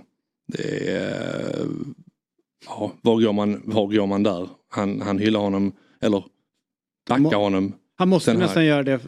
För det är Ja, verkligen, ja, han, han har ju verkligen fan. pekat på honom. Ja det måste man göra men, men, men Nej men för Måste hans man själv alltid- skull. för hans- men det är alltid så här målvakter ska tas med silkesvantar. Ja. Varför kan man inte säga att eh, Ja. jag menar, han pratar själv, han har spelat på, på höjden, han har spelat Champions League-final, han har spelat i stora lag. Ja men då skulle vi kunna hantera kritik. Ja. Och en petning kanske. Ja, och den här grejen är väl, jag är eh, kanske längst fram när det gäller med att det, jag hatar det här med att man har en första målvakt och så kör man på det. Mm. Alltså, fan mittbackar, mittfältare, alla. Om du är i form så spelar du inte. Om det är en dålig match, så, vet, man, man måste kunna liksom, Ja, och kritik och det. konkurrens måste ju, måste, det måste ju till för utveckling. Mm. Eh, och, och kan du inte hantera den oavsett om du är anfallare eller, eller mittback eller målvakt. Då kan man inte ska spela på den nivån. Sen säger jag inte att man ska utvärdera honom efter eh, ja, utvärdera kan man göra men åtta matcher in, han har trots allt eh, ett CV som är, som är väldigt gott liksom. Men, men för tillfället så, så, så, så är han ju ett stort företecken. Eller frågetecken. Men för, äh, angående United. Hur länge ska ett, alltså storklubb kommer man inte ifrån ekonomiskt och sådär, men hur länge ska ett topplagsrykte leva kvar? Alltså det var ganska länge sedan de var Alltså jag tror så länge, de, de, förra året så kom de på Champions League-plats om inte jag är helt Mm, fel. Så, så länge de liksom nosar upp där. Ja. Alltså det var nog viktigt för dem att komma dit och vara tillbaka i Champions League. Ja. Men jag tror det första du sa, så länge de har pengarna att kunna köpa de största spelarna, Mm. då kommer de vara en stor lag. Men jag upplever ju ändå att förväntningarna, att han alltid, eller liksom när de torskar mot ett mittenlag så är alltid alltså, de hånfulla tongångarna är mycket högre än när Spurs gör det. Mm. Och det känns för att, och det upplever jag för att de vann på 90 och 00-talet. Inte för att de har haft, Nej, och- någon i den truppen har levererat. Nej men och att de är ju del, den klubben i England som har vunnit flest gånger. Det är klart vet- att man det- all, alltid kommer, och, och Tottenham inte har det, så att de kommer ju liksom alltid leva i skuggan utav sin, sina stor, Mm. stor, stora dagar. Hade det varit samma om den här storhetstiden här var på 70-talet? Nej. Men för det, finns ju ändå någon, Mm. någon, någon, Ja, ja, någonstans. ja exakt. Men, men de, har ju, de är ju bäst i landet genom tiderna. Men det är inte så att man hånar Leeds för att de är kass när de torskar mot Brentford. Nej. För att det var för länge sedan de var bra. Men Manchester United har ändå Men lyckats. börjar vi nosa på att Ja, men det, Nej. det, det är en bra frågeställning tycker jag. Eh, och, och det har väl att göra med liksom storlek på klubb. Det är ändå den, den klubben som har störst, mest fans väl globalt. Det har, det har också att göra med eh, den typen av spelare, gamla spelare som, som figurerar i eh, engelsk media hela tiden. Med, med, med Keane, med Scholes, med, med, med Neville och så vidare. Det gör ju också att, att, att fokuset på dem blir, blir så pass eh, stort som det. Mm. Och, Och, och att de är bra på att hela tiden göra sig påminna om Manchester Uniteds storhet. Det är som igår när de pratade om City, vad de har gjort. Och så kanske Mm. en baksmälla från förra året när man vann eh, trippen. mm. Ja men då kan ju de själva börja säga, vi kommer ihåg när vi gjorde det. Mm. Och sen så det sätter Ja. det. Ja, de Så så- hela tiden, det. det, det Ja men de hela tiden gör sig själva relevanta till stora saker. Ja när vi vann Champions League eller när Ja. vi vann ligan eller när vi gjorde det. Och då blir det att United blir ett av lagen som är där uppe även fast det var länge sedan de var där. Men sen är det ju ett stort, alltså det är ju när de kan köpa in de, de spelare de vill som de kan göra idag så är det ju en stor klubb liksom. Mm, mm. De har ju liksom inte tappat den, den positionen. Nej. Och det är intressant att, se hur länge det finns i spelarnas Att man medvetande. vill gå dit. För det är Ja. fortfarande den klubben, Mm. skulle jag säga, som, som, eh, som spelare ser som, som, som den största i, i det är klart att men City har en attraktionskraft för att... Men det är väl kanske Pep? Jag skulle precis säga det, Ja. för, för den tränaren de har. Mm. Eh, och, och, och, och så vidare. Men, men eh, ja. Det, det, Vilka klubbar i England skulle man säga är att man går dit för namnet och egentligen inte så jävla viktigt att det är Pep Guardiola som är tränare. City kan vi konstatera att de har ju Pep, inte själva kanske namnet att falla Mm. tillbaka på. Mm. Men det är väl Liverpool och United. Ska man kanske in Arsenal där kanske? Ja, det tror jag. Det tror jag. är United. United Liverpool och Arsenal ska jag säga. Som vadå för namn? Ja, men som Ja. att, Alltså man det- går dit så här man ja. vill spela Ja, dem. Då har ja, man gjort ja, någonting, man har upplevt, ja. man har uppnått någonting. Jag har varit Mm. i någon av de tre klubbarna. Ja, ja det kanske är de. Men jag tänkte på med Uniteds fall, det är ju, alltså, de, de kan fortfarande locka till de bästa spelarna, de kan värva spelare dyrt. Men det blir ju fortfarande svårare och svårare att liksom hitta tillbaka. För jag menar, nu ser vi ju i Premier League att klubbar är så mycket bättre på att utnyttja sina resurser. Och är mycket bättre på, okej Newcastle har också enormt, enormt mycket pengar. Men de är så bra på att liksom, skapa den här identiteten. Alltså Eddie, Eddie, Howe har gjort det ju extremt imponerande. Ja. Brighton lika så, Deserve Aston Villa Brighton. lika så. Alltså, Ja. de, de, eh, Brighton säljer spelare dyrt och sen plockar de upp någon som är bättre. De är alltid liksom steget före. Mm. Eh, så liksom, det blir allt svårare för United att börja bli börja börjar etablera sig igen som Ja, topplag. Och, och, och, och fler klubbar i, i toppen, precis som du säger. Jag menar, att ta, ta 15-20 år sedan, alltså, Pre-Abramovic liksom, ja men vad var Chelsea då? Vad var City då? Ja. Vad var Newcastle då? Det är en helt annan konkurrens också. Semifinal i Champions League 2-ligan. Ja. Ja. Men eh, jag förstår de andra klubbarna du nämner. Ja. Men förlåt, kan United värva? Precis vad de vill. Ja, äh, de, Ja, Höjlund. det blev ju Höjlund istället för. Det kanske- det kanske blir svårare nu Ja. för att det finns så mycket annan konkurrens i, i klubbar Ja. också. Så det Det också blev vara. ingen egentligen. Eh, Osimhen gick ju inte, inte till dem, men jag förstår vad du menar. Men När jag, när värvade de en, den bästa på sin position senast? Ja, det- var väl säkert, eh, det beror på hur man, ja du har, du, du har, du har en poäng där. Men, men det jag ska säga är att jag tror så länge man ändå är en Champions League-klubb, Ja. jag tror det är sjukt avgörande också för att kunna attrahera de absolut bästa spelarna. Och eh, Ja, nu det, när de kom upp dit och spelar i år, jag tror det hjälpte ganska mycket. Men om, ta Chelsea, om vi missar två, tre år nu, Mm. Champions League, då kommer vi tappa attraktionskraften, Mm. 100 Det procent. Därför att de bästa spelarna vill spela Champions League. Kanske ett år kan tänka så här, jag gör det inte. Mm. Men sen måste jag in i det. men jag Ja, kan tänka mig snart väljer klubbar Brighton istället. Ja. För att där Men, har man en tydligare ja. identitet och man kan sälja in det bättre. Skulle säga det precis, Ja. exakt. Att, att den faktorn är, är, tror jag är viktig och där och tillbaka i identitet nu igen då liksom. Att det, ja, men det tror jag är viktigt, väldigt viktigt för spelarna när, när de väljer klubb.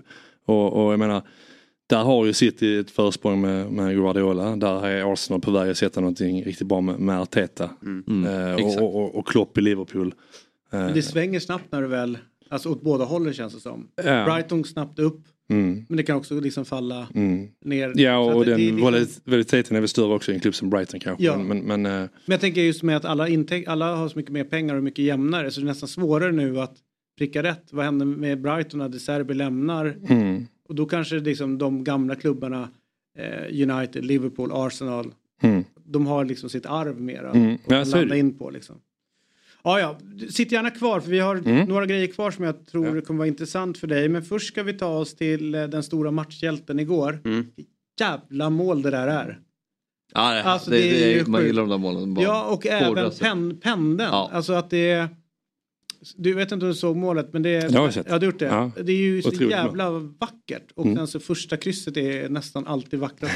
alltså det, är, ja, det är ju det som gör det. Och den som drog upp den här jabben i krysset är ju Skrabben. Fick jag till den. Simon Skrabb, god morgon. Välkommen till Fotbollsmorgon. Vad är det för jävla mål du gör? Tack så mycket. Ja du, den, eh, den satt väl rätt okej. Ja. Den har vevats i repris några gånger. Eh, Men just, eh, och det är ju, man får ofta den här frågan, men när man får till en sån här träff, när, när bollen lämnar foten, var det liksom känslan direkt att den här, den här sitter? Ja, alltså egentligen tyckte jag inte att träffen var fantastisk. När man ser fotisättningen så ser jag får lite parera, nästan flytta på stödjebenet när jag tar skottet för att den kommer lite för nära kroppen. Men, Dålig eh, passning av hummet. Ja, eller riselöpning av mig. Det, det är hur man vill se det. Nej, men, eh, sen så var det bara fokus på att få, få en så ren träff på det som möjligt. Och ja, slutprodukten var ju helt okej.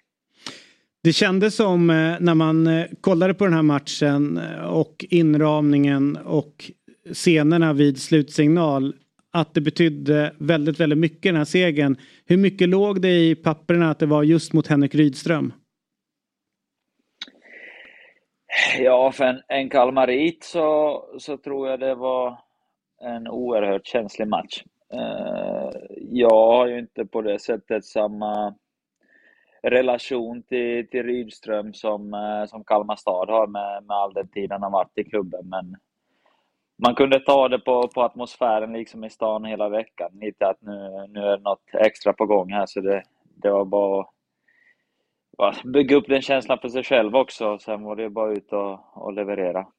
Hur, hur eh, vi som satt och kollade på matchen tyckte att det var en får man säga kanske en liten annan matchbild än vad man är van vid. Ni överbelastade väldigt hårt båda lagen på små ytor. Var det någonting ni hade pratat om innan att, liksom att ligga så nära och liksom egentligen som känsla var anpassa oss er väldigt mycket till hur Malmö spelar sin fotboll?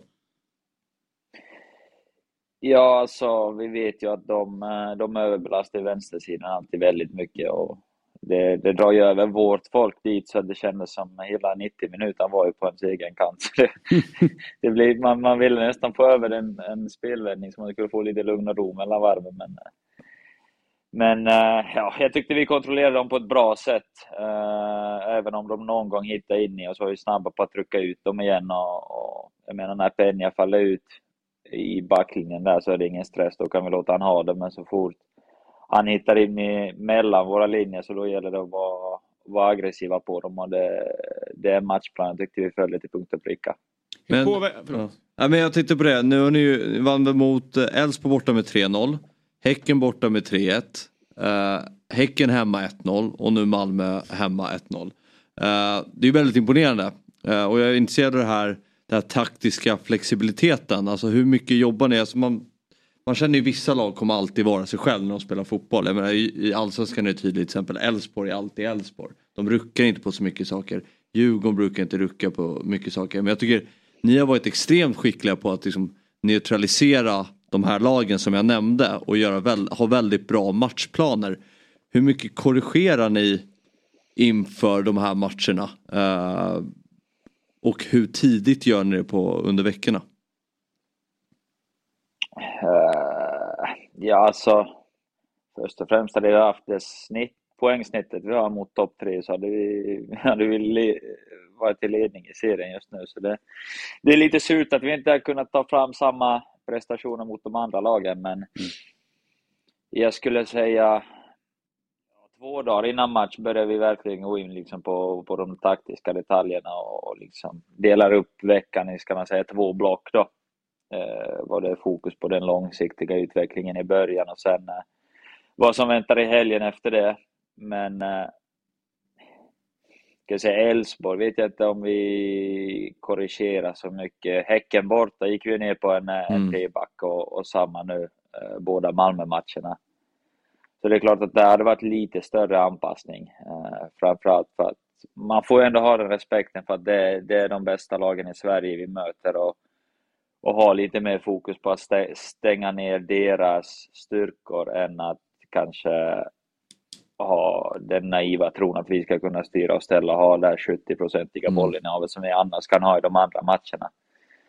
Så det, jag skulle säga det är en, en, flexibilitet som kan vara en otrolig styrka också. Att vi, vi kan göra de grejerna också. Att, och, ja, vi, vi behärskar de flesta delar, delarna i spelet faktiskt just nu på ett mm. äh, nästan överraskande bra sätt. Hur skulle du säga att det påverkar motivation innan match när man vet att man kan gå in och facka toppstriden för de man möter? Ni verkar ju bevisligen vara ganska bra på det. Ja, det, det var bra då att vi slog alla tre topplagen. Det, var, det är jämnt fördelat nu i alla fall, så får de köra på sitt race, fortsätta, får vi se vad, vad vi kan landa sen. Men märks det i omklädningsrummet innan att nu vi kan verkligen eh, vi kan förstöra för dem här? Är det en morot? Nej, ja, eller ja, det är det väl, men först och främst har vi haft fokus på oss. Men om vi kollar, om vi inte hade haft tagit de nio poängen vi har tagit nu mot de här topp tre så hade vi nästan legat på kvalplats nu. Så att vi har väl mest haft fokus på oss själva och eh, liksom, vad ska man säga, riva igång ett, eh, ett race här inne in i kaklet om en eh, eventuell fjärdeplats eller, eller så. så att ändå ha den moroten för själva att det, vi, så mycket fokus har vi inte på, på toppstriden och de andra. Du Simon, låt oss prata om viktiga saker nu. Eh, I Brescia var du lagkamrat med Balotelli.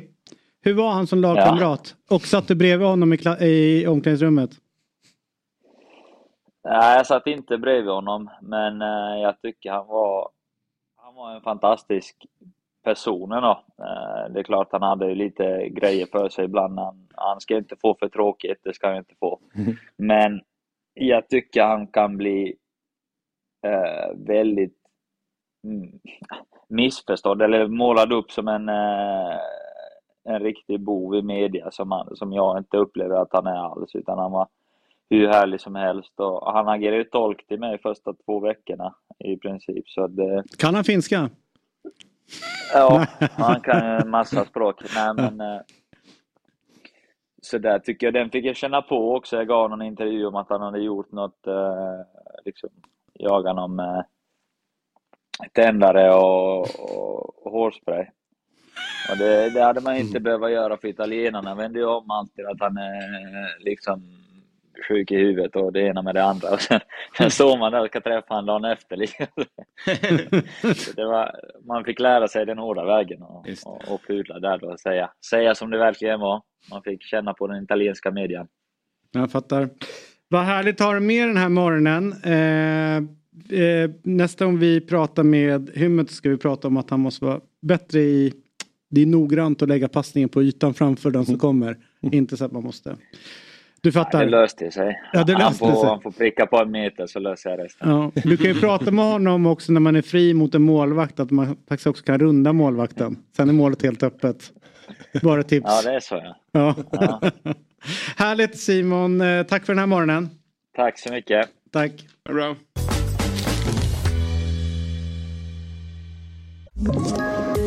Poddtips från Podplay. I podden Något Kaiko garanterar östgötarna Brutti och jag, Davva, dig en stor dos skratt. Där följer jag pladask för köttätandet igen. Man är lite som en jävla vampyr. Man har fått lite blodsmak och då måste man ha mer. Udda spaningar, fängslande anekdoter och en och annan arg rant. Jag måste ha mitt kaffe på morgonen för annars är jag ingen trevlig människa. Då är du ingen trevlig människa, punkt. Något Kaiko, hör du på Podplay. Därför är mycket saknar du? Eh, alltså jag, jag fattar att du inte saknar en försäsong eller vet det där. Men Mm. den här tiden på året när det börjar dra ihop sig. Är inte det eh, härligt? Ja. Alltså en härlig tid liksom? Jag ska bara säga att, att jag spelar ju större delen av min karriär i, i Holland och England. Så att det, det var, den här tiden så var det Var det ofta... nej, det var ju början av, av säsongen ofta ju. Så att då var väl eh, inte för mycket oförstört. Ehm, jag, vet, alltså jag saknar ju aktiva delen av fotbollen som spelar väldigt lite. Jag, säga. Ja, alltså jag var väldigt, väldigt klar med, med min spelarkarriär när jag, när jag slutade. Ehm, hösten i allsvenskan, ja, det, jag har, det jag har mest i bild är att man var sliten. Man hade ont hela tiden vid träning och match. Så det, det är någonstans um, ja, överskuggade det roliga av fotbollen. Så det, och det är det som mm, närmast på näthinnan då. jag Jag säga. fattar. Kolla vem som kommer in här nu. Nu får jag flytta mig. Ja. Ja.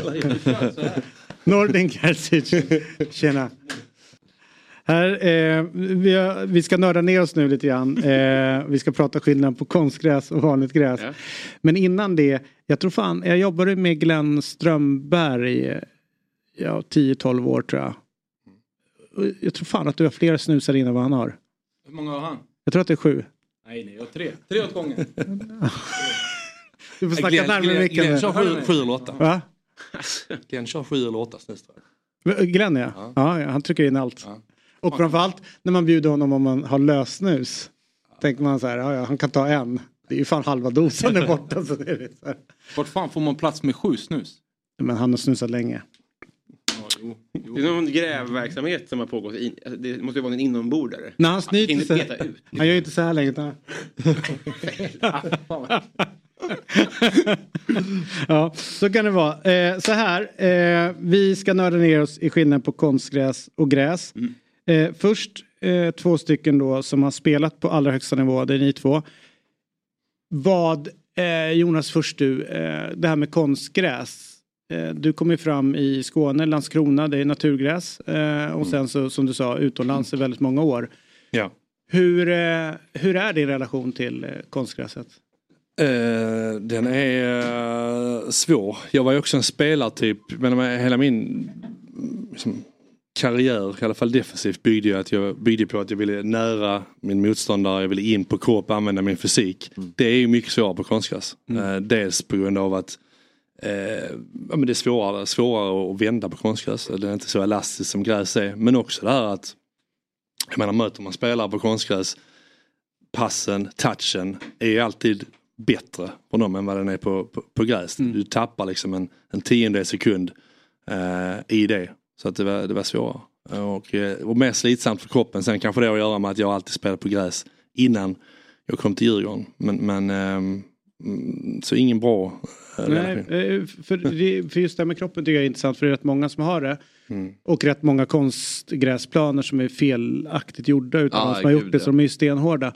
Men eh, just spelmässigt Nordin, vad, vad ser du när du ser eh, en match på konstgräs kontra gräs och vad upplevde du själv? Är det liknande som Jonas? Eh, ja, men eh, nu spelade han lite längre bak i plan. Där jag tyckte var absolut svårast på konstgräs, det var att pressa. Mm. Det kändes som att, okej, eh, du tänker ändå på gräs, bollen går ju mycket saktare på gräs liksom, kontra konstgräs. Det bara, om någon slår en hård passning är det ju körd. Så då fick man, jag tyckte det var jobbigt att alltså, ställa om hela tiden. Okej, jag kan inte gå upp här i press för även om jag är ganska nära, men han, alltså touchen hos han kommer ju vara bra, så då är jag rökt liksom. Då fick man ju avvakta lite mer. Och och där tycker jag den största skillnaden, det är ju det svåraste, om man säger, det är ju det svåraste att lära sig att pressspel på konstgräs är ju jäkligt svårt alltså. Och det märker man ju också när man kollar på derbymatcher och så här att man tycker inte att lagen i, de kämpar Nej, inte. nej. Eller vet sådär. Men de kommer inte in. Nej. Alltså det, de är en halv meter liksom. Ja. Alltså Norden säger, det, det är det jag menar med det. det. Du kommer liksom inte in på kropp på motståndaren. Du kommer inte nära på samma sätt som, som du gör på gräs. Det är mycket vad får det för konsekvenser för svensk fotboll tänker ni då? Eh, vidare med de vi fostrar och... Nej men alltså i Sverige spelar vi ju, det är ju ganska många lag som har konstgräs. Utomlands så vet jag inte hur, hur många det är som har det. Jag tror att det är väldigt få lag som har konstgräs i de högsta divisionerna, alltså på Mm. A-lagsnivå. Eh, jag tror att vi, vi kommer komma bara längre och längre ifrån om vi fortsätter med konstgräs på, på den nivån. Eh, i ungdomar, eh, barn, ungdomar, alltså tills du är kanske 13-14, fine. För att eh, vi har, alltså planerna gräsbelastas så mycket så till slut blir det ju inte gräs, då blir det ju en åker. Men när du väl börjar komma, det här är en akademi, det här är elit. Alltså från 14-15 års ålder, då ska det bara vara gräs. För att jag har varit med om, nu kommer jag från en konstgräsklubb, eh, alltså mina senare år när jag kom tillbaka till ÖSK, då var vi konstgräslag där våran tränare måste ställa över de bästa spelarna vi har. På konstgräs, men de kan inte spela på gräs. För det, det är ett annat spel, framförallt eh, på, med de gräsplaner vi har i Sverige. Jag kom, nu kommer jag göra, eller jag kommer inte göra ett skit men jag har lite folk som håller på med framförallt playmaker, grabbarna som håller på att ta fram statistik till mig för jag är väldigt intresserad av den här frågan. Um, vad är skillnaden först ut, utomlands, gräs vs gräs och sen ta det vidare utomlands, alltså gräs vs vårat konstgräs. För att få ytterligare siffror på det. Liksom. Jag tycker att överlag att vi i Sverige, vi pratar om så mycket skit runt svensk fotboll men vi tar inte tag i själva produkten. Vi står då och snackar om 500 VIP-platser i Degerfors liksom. Men att eh, Halmstad inte vattnar plan eller att de har lite för högt gräs, det pratar ingen om. Jag tycker vi är ute efter fel saker liksom. Vi, nummer ett måste vara fotbollen. Vad spelar vi för fotboll? Det är ju där vi håller på med. Inte att någon eh, inte ska få lite regn på sig. Liksom. Nej. Alltså jag tror att folk skiter i om det regnar eller inte om det går fotboll. Alltså förstår ni? Men jag tror den där utbildningsdelen är väldigt viktig. när Man pratar, alltså till exempel om man tar en mot en. Man pratar om en mot en att det är dribbla, så här, en mot en man kommer med fart mot försvaret. Men den vanligaste en mot en situationen är ju när du har en spelare i ryggen. Och då med konstgräs när man får mycket mer tid så kommer inte spelarna upp i press. Då Nej. hin- får inte spelarna träna på de där situationerna tillräckligt ofta heller. Men- Sen, ja. Ja, men, eh, kör, kör. Nej, nej men för... Nej, men, men hänger ihop eh, ni tre då med att eh, det som de har problem med i Norge, centrala mittbackar. Eh, vi kanske inte får fram våra centrala mittfältare på den nivån som vi kanske fick för ett år sedan. Tror ni att det hänger ihop med att vi har konstgräs och spelar på konstgräs? Ja, men det är väl lite det jag menar. Att där, där tror jag att det är en position som kanske blir lite lidande av det. För att du blir inte utsatt för den typen av press. Mm. Till exempel för att du får mer tid på konstgräs. Du, du exponeras inte för sådana situationer där det krävs att du är väldigt skicklig på att göra rättvänd. Om, du, om, bollen jag, om jag ska bara ta fram enkla siffror bara. Som är eh, Jonas som spelar var ju en jäkligt bra, du är bra duellspelare, bra huvudspelare. Mm. På konstgräs är det mycket mindre dueller. Det är 16% mindre huvudspel kontra hur det är på gräs. Så då förstår ni att när vi spelar på konstgräs så det är inte så att våra mittbackar som spelar på konstgräs blir bra på huvudet. Nej. Eller bra i nej, nej, Alltså- det inte- det, är- exakt, och det är ju inte svårare än så att det är ju två helt olika sätt att spela fotboll. Konstgräs och gräs. Och jag menar, spelar du merparten av din utbildning och din första del av din karriär på konstgräs. Sen plötsligt ska du upp eller ut i Europa och spela på gräs på dessutom en högre kvalitativ Mm. nivå. Ja, det är klart att, att den ekvationen är, är väldigt svår att, att få ihop. Men- det säger sig själv. Exakt det du är inne på. Det är många, eh, alltså nästan alla från, som går från allsvenskan till Europa säger ju att man får så mycket mindre tid. Det är så Mm. mycket högre tempo. Men spelar du här på, på konstgräs redan, då får du, du får redan mycket mer tid här. Och sen ska du åka dit, det blir dubbel effekt i mindre tid. Alltså om ni förstår. Ja exakt. Dels gräs och dels eh, högre kvalitet. Exakt. eh, kvalitet. Högre kvalitet, b- bättre pressspelare. Ja. Liksom, och, Om, om vi tar igenom, för, eh, 16% färre nickdueller blir det ju på konstgräs. Eh, man skulle kunna tolka det som positivt att det skaderisken minskar för, för ja, skallskador och sådana saker. Men det gör vi inte utan vi tycker det är dåligt för fotbollen är ju, nick är en del av fotbollen. Nej, alltså, det var Alltså, om man mer tar att se skillnaderna på Ja, ja, hur ja, det ja, men Jag det är är inte ju- någon värdering i det. Nej men, eh, vi- vi- jag gillar ju jag gillar ju kamper och jag gillar fysiskt spel och det blir uppenbart mindre utav det. Mm. Men så är det. Så. Men däremot totalt antal passningar är 9% högre på konstgräset än vad det är på naturgräset. Hur, hur ska vi tolka det? Det är ju samma som jag Det är mycket svårare att komma in. Bollen studsar inte fel. På konstgräs behöver du inte göra så mycket förutom att, att bara nudda bollen. På gräs måste du ändå tänka. Och du måste ha ett ganska bra passningstouch för att bollen ska gå fram. Eh, och så kan du kan ju spela mycket mer på ett tillslag så du kan ju behålla bollen. Man ser, man ser, 9% lät lite. men man Fast ser om du drar ihop det över fem år, är det lite då? Ah okej, fem år. men, men jag tyckte man från såg, 20 år, eh, 23, längre, ja. okej. man såg nu tyckte jag när, när Häcken spelade Europamatch i torsdags mot uh, Karabach när de fick spela på Ullevi. Uh, istället för att de fick spela på Bravida på Europaspel. Man såg hur mycket större problem de hade i sin uppbyggnad. Ja. Precis att Häcken vill spela. De vill spela in centralt på mittfältet och bygga därifrån. Det var mycket lättare för, för Karabach att och, och pressa på gräs då än vad det, vad det är på är konstgräs. också, p- bra, Jonas är inne på, det är siffrorna visar också tydligt att det är mycket svårare att pressa på konstgräs. Det är mycket mindre, det, det där PPDA är ju Ja. mycket högre på gräs än vad det är på konstgräs. Exempel. Mm. Alltså om man tar pressaktioner, återövre, eh, återerövringar eh, sjunker markant på, på konstgräs. Eh, Gräs, ja. Eh, och det gör då dessutom då 20% fler mål på konstgräs och eh, mer lyckade dribblingar på konstgräs. Så det blir ju helt som ni är inne på ett annat typ utav, ut, utav spel. Men ni som ändå rör er i, liksom, eh, inom svensk fotboll och, och du liksom har ju kontakt utomlands. Va, va, hur, när man pratar om konstgräs och du är involverad i ja, Superettan-klubb också. Hur, lo- hur går diskussionen kring liksom, konstgräs, vad som händer med svensk fotboll, allt det ni tar upp att det blir ett annat spel. Förs det sådana debatter överhuvudtaget? Jag, jag tror att, eh, om jag refererar till England då där jag var, så, så, så jag menar, England är isolerad som fotbollsnation, de har inte så överdrivet eh, koll i det avseendet. Men, men bara för att knyta an hur de ser på konstgräs. Vi hade en otrolig konstgräsplan eh, i, i West Bromwich på träningsanläggningen inomhus, full plan där akademin tränar en del. Eh, den kunde vi använda eh, när vi ville, när det var dåligt väder. När det var, men vi använde den aldrig. För att eh, det, tränarna var inte vara där. Fysiskt framför allt så, ty, så, så problem med, med konstgräs och skaderisken där. Så att det, inställningen kring det var, ehm, var inte positiv från England. Sen tror jag också när det handlar om rekrytering och sånt.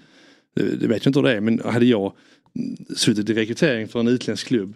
Då hade jag verkligen eh, tänkt mig för när jag ser en spelare på konstgräs. Ja, hur, hur ska han funka på, på gräs? Det är i princip en annan, en annan sport. Mm. Är det därför eh, spelare som lämnar Danmark går för högre för att det är fler matcher på gräs? Skulle det kunna vara något? Eller är det bara att Det finns- ligan är ra- högre rank? Nej men det finns ju några, det finns ju några eh, konstgräslag i Danmark också eh, som säljer en del spelare. Men eh, där jag ville, min slutsats av varför jag gör det här. Nummer ett så brinner jag för svensk fotboll. Jag vill att vi ska bli mycket bättre. För att jag tror att vi har en vi har jäkligt fint just med den här 51% regeln men då måste vi utnyttja den också. Vi måste börja ställa krav. Och med den så tror jag faktiskt att vi skulle kunna slå oss, alltså även komma till Europa och göra det jäkligt bra.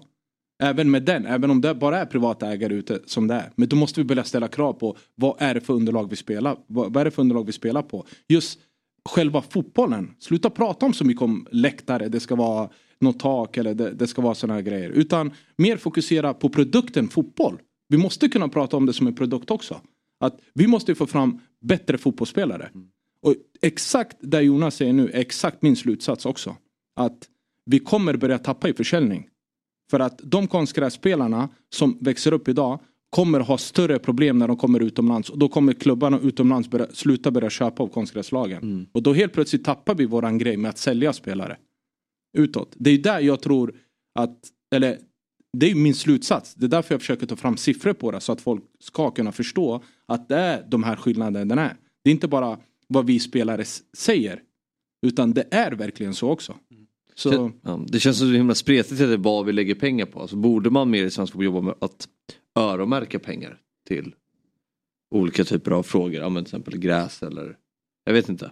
Mm, Så nej, bra. ja. Nej, men det, det, det tycker jag absolut. Att ta en del av de tv-pengarna som kommer in och lägg. eh, Exakt, alltså, till exempel. Men, men problemet är väl också just med, plan- med, med underlag är väl också att, att eh, jag menar, de gräsplaner som finns i Sverige är väl kommununderhållna, det är väl de som sköter underhållet. Och det är klart att har du en gräsplan så, så kostar ju också underhållet mer än vad det gör om du har en konstgräsplan. Så att det är väl också en, en, en Men faktor jag ska i bara säga, bara, eh, det är så sjukt. Nu var jag på eh, ute på Lidingö i helgen på en fotbollscup. Då är det, nere i Brevik finns en jättefin fotbollsplan men den ligger på Guldkusten. Eh, grannarna där nere vill ju inte att de ska på lamporna eh, på gräsplanen. Men konstgräsplanen bredvid spelas det fotboll på. Så det är en fullstor eh, naturgräsplan. Djursholm också en, Ja, eh, används knappt. används inte heller. Nej. Samma problematik där. Ja, Grannar tycker det är jobbigt ja. med en fotbollsplan nära sina fina hus. Så den används inte.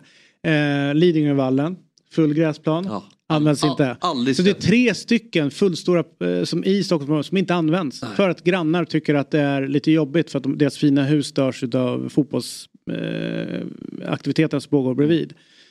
Och då, då blir det också så här att ja, då vi, vi vaskar tre fullstora planer i en region där vi skriker om fler planer. Och jag tror också den så här med den här planbristen gör ju att man vågar kanske inte bygga gräs.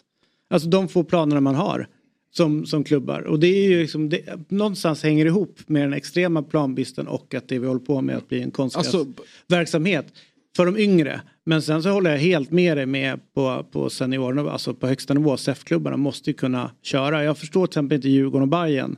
De är de största hyresgästerna på, eh, där borta på, i telefonkiosken. Om de skulle säga så här, vi vill ha det här un underlaget, då kommer de få det. Därför att Live Nation, eller vad fan de nu heter, Stockholm Live, de kan ju inte bara tappa sina bästa gäster. Men det känns där. ju- Men det är det jag menar med Så att krav från, pengar. ja, men också liksom. krav från ja, klubbarna. ja, att ja. Så här, vi vill spela på det här underlaget. Vi är en stor hyresgäst på den här arenan. Vi drar Mm. in 20 000 pers i snitt varje gång vi spelar och vi gör det 15 gånger minst Där- hemma. där tror alltså, jag- det är ju, man Jag måste tror kunna jag ställa tyvärr krav. att uh, hy- uh, arenaägarna kan bråka om. Alltså om Djurgården eller Hammarby säger det. Men däremot så kommer det komma från förbundet eller vad, vad det är som bestämmer regler och säger du, det ska vara gräs. Inget annat, du, annars får inte, kommer inte den här arenan användas. Då kommer de byta. Om Djurgården och Hammarby går till arenaägarna och säger du, vi, vi vill ha konstgräs, då kommer, eller äh, gräs, då säger ni får betala själva. Fast För jag de har tänker- ingenstans att ta vägen. Jag tänker det finns en Nej. annan klubb som hade en förhandling med samma arenaägare och har ju lyckats få igenom att det ska vara gräs. Mm. Det är ju AIK då. Så att, det var ju på Men det är ju på, det är ju på grund av att landslaget också Ja. spelar där. Ja fast jag tänker, jo, jo jag förstår att det är nationalarenan. Men det är ändå två klubbar. Om man tar bort Djurgården och Bayern från den verksamheten där, ni- där ute så tror jag att de kommer ganska tungt. Med tanke på att det är 30 matcher varje år. De, Ja men då kommer man ju in på det där att det är kostnaden. Är ju- Ja men det är de, ser, pengar. jo, men De borde, alltså det, det är två klubbar, det är, alltså, det är ju, jag förstår, de borde, ju, eller rätt sagt ni medlemmar. Och det Bayern och Djurgården borde ställa driva frågan. Det- Det, tycker jag verkligen. Driva frågan. Ja. Men sen är det ju alltså utifrån, ja, alltså det är utifrån vad man vill. Om vi ska kolla på de aktuella siffrorna som är så rent eh, om någon, eh, min, säg min frus eh, pappa skulle gå och kolla på fotboll. Han tror jag skulle tycka att det var roligare att kolla på konstgräs. För att du tacklas inte, det är många mer passningar, Mm. det är mycket mer målchanser, XG ökar ju mycket mer i golden zone, det är mycket mer mål. Är ni med? Det- Så, så grejen men, är... men, det är, ju- men å andra så sidan, grejen är, alltså, vad vill vi göra? Jag vet, men det man tappar i det är ju de sakerna du inte tar upp. Duellerna, alltså det som ändå varit fotbollen, Mm. liksom DNA någonstans. Att det är ju att du kan köra över mig eh, liksom med en tackling. Så. Eh, Mm. Det måste vara en, en del utav liksom dina försvarsverktyg Mm. någonstans. Men man plockar bort det. Mm. Det är liksom någon annan sport också. Då, då är mitt tips till din, din eh, svärfar. svärfar att han ska gå och kolla på futsal. Ja, men, eh, Då kan han tycka det är jätteroligt. Men Ja. det är liksom en annan sport. Eh, 100 det är, Men det är ju där jag säger, för mig är det ju självklart. Alltså det är därför jag tar upp det här och jag vill att det ska skapas mer debatt just om den här frågan. Vad är det vi vill? Vill vi komma närmare Europa då finns det inte så mycket att tänka på. Nej. Då är det ju bara att du skrotar det här. Det är som, jag tror att det är till slut som Jonas säger också. Jag tror att spelare i framtiden kommer börja tänka, oh, kan jag gå till det här? För det här är konstgräs. Med tanke på sin karriär och alla sådana skador. Nu finns det en forskning som visar att det, det inte är så mycket mer skador på konstgräs. Men det visar inte de här slitagegrejerna som Nej, kanske kommer om två år eller om fem år. Liksom. Mm. Så att det, det är därför jag ändå grottat mig i det här på grund av jag brinner för det, för det vi håller på med. Svensk fotboll är det bästa jag har. Och då vill jag ändå ta upp debatten. Hur kan vi göra det bättre? Hur kan vi komma närmare Europa? Hur kan vi få vårt landslag bättre? Alltså, och då, för mig är enkla slutsatsen är absolut i yngre åldrar, det är ju det största problemet, är ju utbildarna i yngre åldrar. Det är ju det absolut, största problemet. Att vi håller på att snacka för mycket om vinna fotbollsmatcher eller inte Ja. vinna fotbollsmatcher och då och vi ligger under och tar vi, du, nu bara långbollar mot den här snabba där uppe. Istället för att utveckla spelare. Precis. Ge dem bra utbildning. Det tror jag är det största problemet. Men sen till slut så när vi bryter ner det, där har vi det största. Sen nummer två säger jag är konstgräs. För att vi ska kunna lära oss att spela. Nu som det är, du behöver knappt lära dig att täcka en boll. Nej, För att, jag, jag kommer inte in Ja, på det. nej. Och så behöver du aldrig jobba med din första touch. För den blir nästan alltid bra på konstgräs. Det gäller bara att du bara sätter dit foten. Konstrar på gräs. Kan du studsa upp. Du måste jobba mer med den och få ner den. Alltså lägga mer tid på det. Vet du vad Björn, Mm. vet vad Björn Kindlund gjorde apropå det? Björn Kindlund han spelade i AIK för tusen år sedan. Sen har han jobbat uppe i Uppsala som utvecklare. Mm. Och han blev helt knäckt utav eh, konstgräsplan. Det var för perfekt när bollarna, när de fick sina passningar. Mm. Så han gick ut på sämre gräsplaner, alltså gräsytor. Bara för att de skulle få en känsla av att så här, om du blir bra på fotboll, då Mm. kan du inte bara stå i sjön och kolla upp. Nej. Bollen kommer studsa till, du måste kolla Mm, ner. Mm, mm. Alltså i Premier League, folk kollar ner för att ha koll på det, men de lärde sig stå så här hela tiden. Ja. Så att han var så här, nej nej, det går inte. Ni kommer inte bli bra om ni inte liksom lär er hantera en boll som studsar till precis innan foten. För så spelas fotboll, så är det. Mm. Så då var de tvungna att liksom gå ut till dåliga fotbollsplaner för att göra dem redo för att kunna spela fotboll på Mm. eh, vanligt gräs. Mm. Vilket är helt sjukt egentligen. Ja, och som någon sa, också, alltså, så här, effekten blir ju, blir ju dubbel av dels Mm. det och dels också att det är ett helt annat pressspel Mm. på gräs. Då har du först den här, ja det är lite, eh, du får inte bollen direkt på fötterna eller inte, inte perfekt alltid och du har ett pressspel som, är, som gör att du har mindre tid också. Så att Har den ni också effekten blir att ju blir ju stor. eh, vi har väldigt mycket tidig kramp relativt sett eh, tidiga matchminuter i allsvenskan jämfört med andra. Och, så om, om, det borde du veta som konstgrässpelare. När man springer på konstgräs så har du ett flyt som du inte får på, på gräs. Det känns ju tyngre att springa där. Och den aspekten också tänker jag liksom att det är lite Kolla, att det varierar. Om du kollar IFK Göteborg Sirius senast, det behöver inte det hände för någon dag sedan. Där är det ju tre, fyra tre spelare i Sirius som, som har kramp. Mm. Men alltså Konstgräs, gräs, för mig är det två olika sporter. Jag har sagt det innan. Mm. Eh, duellspel där Jonas pratar om huvudspel tror jag också beror mycket på att du inte kommer närmare. Alltså Mm. det blir tajtare. När jag kommer in i press, okej nu kommer inte jag loss härifrån. Peta bollen åt sidan, lägga en lång boll i kanalen där mittbackar får nicka. Alltså det blir dueller. Eh, Sen har jag, jag har inte spelat utomlands så som Jonas gjort och många andra. Så jag kan inte jämföra skillnaden på plan, alltså gräsplan i Sverige kontra gräsplan utomlands. Så det kanske har en inverkan också att det, det kanske är närmare konstgräs eller inte. Jag vet inte, det kan inte jag uttala mig om. Så det är därför jag vill göra den här Har du tagit in hybrid, de lägger du in som gräs. Nej men det, för mig är ju hybridgräs. För jag har ändå spelat på Malmö Arena och det är ju gräs. Mm. Liksom. Där studsar ju bollen, det blir ju tuve liksom. Om jag gör en tackling så blir ju, slits ju gräset liksom. Alltså det går ju upp. Så jag vill göra en jämförelse med det också för att visa alltså, faktiska siffror också. För att vi är ju i det här samhället idag att folk vill ju se siffror Mm. liksom. Men eh, har du gjort någon, någonting i din slutsats som säger att det, är posit, att det finns positiva saker med konstgräs? Jag tänker liksom att man ändå får röra bollen flera gånger. Fotbollen är mer passningsorienterad idag. Vad finns det Definitivt. för positiva det är sidor där, det är i... där, det är där det är. Att det är många, många lag idag bedriver ju mycket, mycket mer ett passningsspel. Mm. Alltså speluppbyggnad och det här för att det, är, det ger dig mer utrymme på konstgräs för att det är mycket svårare att pressa och komma in. Så det, det blir vi bättre på. Men min stora grej, blir vi bättre då? Nej. Alltså, förstår ni? Mm, mm. Utan vi, vi lär oss att det finns mer tid. Men vad händer med, med en mittback? Så relativt sett så blir vi lite sämre än de andra. Ja, men jag tänkte, vad, vad, kan man dra, vad kan man utnyttja med att ha mycket konstgräs? Alltså kan vi i Sverige dra fördel av det? Alltså, om, Det men tydligast är väl antalet träningstimmar. Det är väl en, en, tydlig, en, en, en tydlig grej att vi får relativt bra kvalitet på Jo verksamheten. men jag menar, inte det, nu menar jag mer i det fotbollsmässiga, i det Ja men det är ju, tekniska. det är ju tekniskt. det är ju där du får. Du får mycket mer Jo, det touch och du får mycket mer alltså, passningsspel. Du får mer sånt där som är närmare Europa. Avslutslägen i skarpt läge och sådana saker som det, dyker det upp. får vi mycket mer av att vi just eh, Just där du är inne på, passningsspel, första, det blir många mer sekvenser. Ja. Du får röra bollen mycket mer och bollen studsar rätt. Så i ung ålder, när du är som jag säger yngre, är det ju absolut inga fel att kunna träna. Men till slut så måste det, fotboll är ju också, när vi ser ut i Europa, det går jäkligt fort, det är mycket tacklingar. Alltså när du kollar på de här matcherna liksom. Och då måste vi också närma oss det. Så jag tycker inte, som jag sa innan, jag tycker inte att det är fel att vi gör det i unga åldrar. Där vi ska utveckla och bedriva. Det, är inte, det blir svårt att behålla ungdomar i dagens fotboll om du går ut och så är gräset en åker. Det blir bättre att de har svinbra förutsättningar att träna. Och konstgräs är ju ett superkomplement på vintrarna. Ett superkomplement för, för hela svenska... Släpper vi grus, slipper vi grus. Nej, men jag, det är bara uppväxt- vi gamla som ja, men Jag det. älskade ju grus. Ja. Jag älskade ju grus. Och för mig, det, för mig är det faktiskt jävligt konstigt. Ja, är du unik. Ja, men, ja, men alltså, för mig blir det ju konstigt för när jag tänker på det. Min stora styrka i fotboll skulle jag vilja säga det är att jag hade en bra första touch. Eh, jag levde mycket på den. Och jag tror ju att jag har fått det på grund av att jag har spelat på de här pissunderlagen som jag har gjort. Ja, det tror jag också. Att bollen helt plötsligt, du måste vara mer med. Den helt plötsligt kan bara studsa. Men stora frågan, byggde du kulle när du hade frispark på gruset? Ja, det, det, det, Gjorde är klart man gjorde det. Jag vet man här för. Ja, såklart man gjorde Lägger det. upp den här lilla högen. Så man får den här. Ja, det är världsklass. Det är världsklass. Men eh, så he, alltså, jag försöker, jag vill bara skapa en debatt om vad är det för fördelar. Men det är skitbra. För det, för det är väldigt tyst kring det hela. Eh, runt. Som sagt, jag stod och pratade med en ungdomsledare igår eller i, i lördags om det här och de pratar bara om antal timmar de kan få ut. På, Ja, det på gräsplan. Alltså de är så besatta utav det. Då säger jag så här, men fan.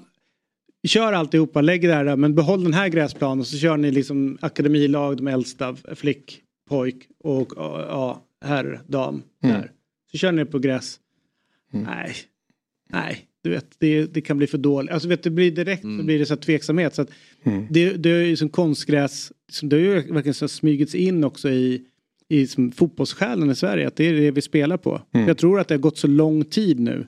Så att jag tror folk är ju helt... Men det finns ju eh, exempel om vi ser utifrån, eh, nu kan vi ta Barcelonas akademi. Som jag, de spelar ju konstgräs tills de är 15 tror jag. Mm, sen byter de. Ja, sen byter de. Holland och exempel nu förbjuder konstgräs. Så det, I högsta serien. Ja, Ja. exakt. Också för att deras grej, vi vill vara topp 5 eller topp 6 liga i världen och vi tror att det, alltså, vi måste få på, bort konstgräs då. Så hela den här eh, jag vill bara alltså, skapa en debatt. Vad är fördelarna? Vad är nackdelarna? Hur kan vi ha en plan för att vi ska få bättre fotbollsspelare i det här landet? Åt, åt alla håll. Alltså förstår ni? Både, ja. både att fler vill spela men också att vi får alltså kvaliteten i slutändan. Är Egentligen borde vi ju ta med Svante Samuelsson. Mm. Han är sportchef för SEF.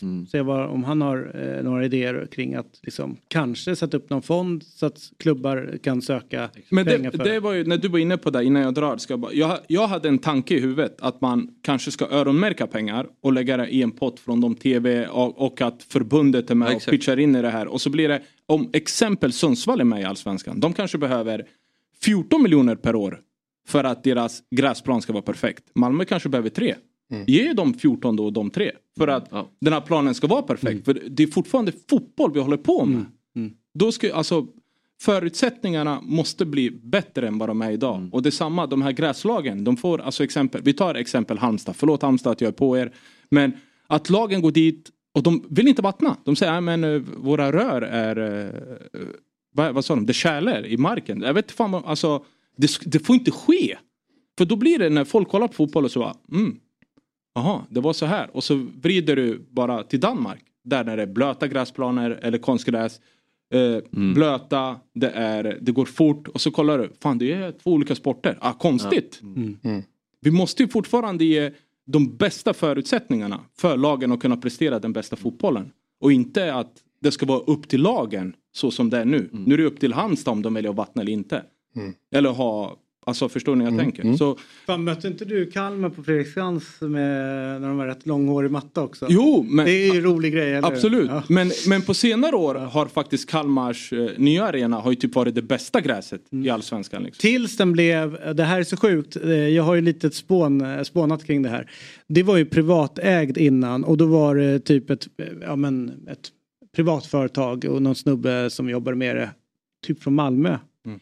Som eh, jobbade som pitchkeeper. Det var jättefint ju. Sen blev det ju kommunalt. Och då har de börjat liksom skruva lite grann på hur mycket pengar man lägger på, eh, på planen. Mm. Så den är ju sämre nu än vad var... än när den var- Ja, det är den faktiskt också, Ja. nu när du säger det. Och, och, jag tror precis som du säger att, att där kommer man inte få en, det är en kostnadsfråga. Så, så länge det inte är direktiv från förbundet eller från SEF så, så eh, jag menar, som du sa med, med Bayern och, och Djurgården, Mm. ja de vill, de vill inte ändra på det för att det är en kostnadsfråga. Det är inte Mm. svårare än så. Det- Tror inte jag. Nej, antagligen. Innan jag går en sista grej, Ja. för jag måste faktiskt dra. Eh, är att vi, det är viktigare för vårt förbund att Degerfors har ett tak med 500 sittplatser som förmodligen inte kommer vara i Europa närmaste 15 åren.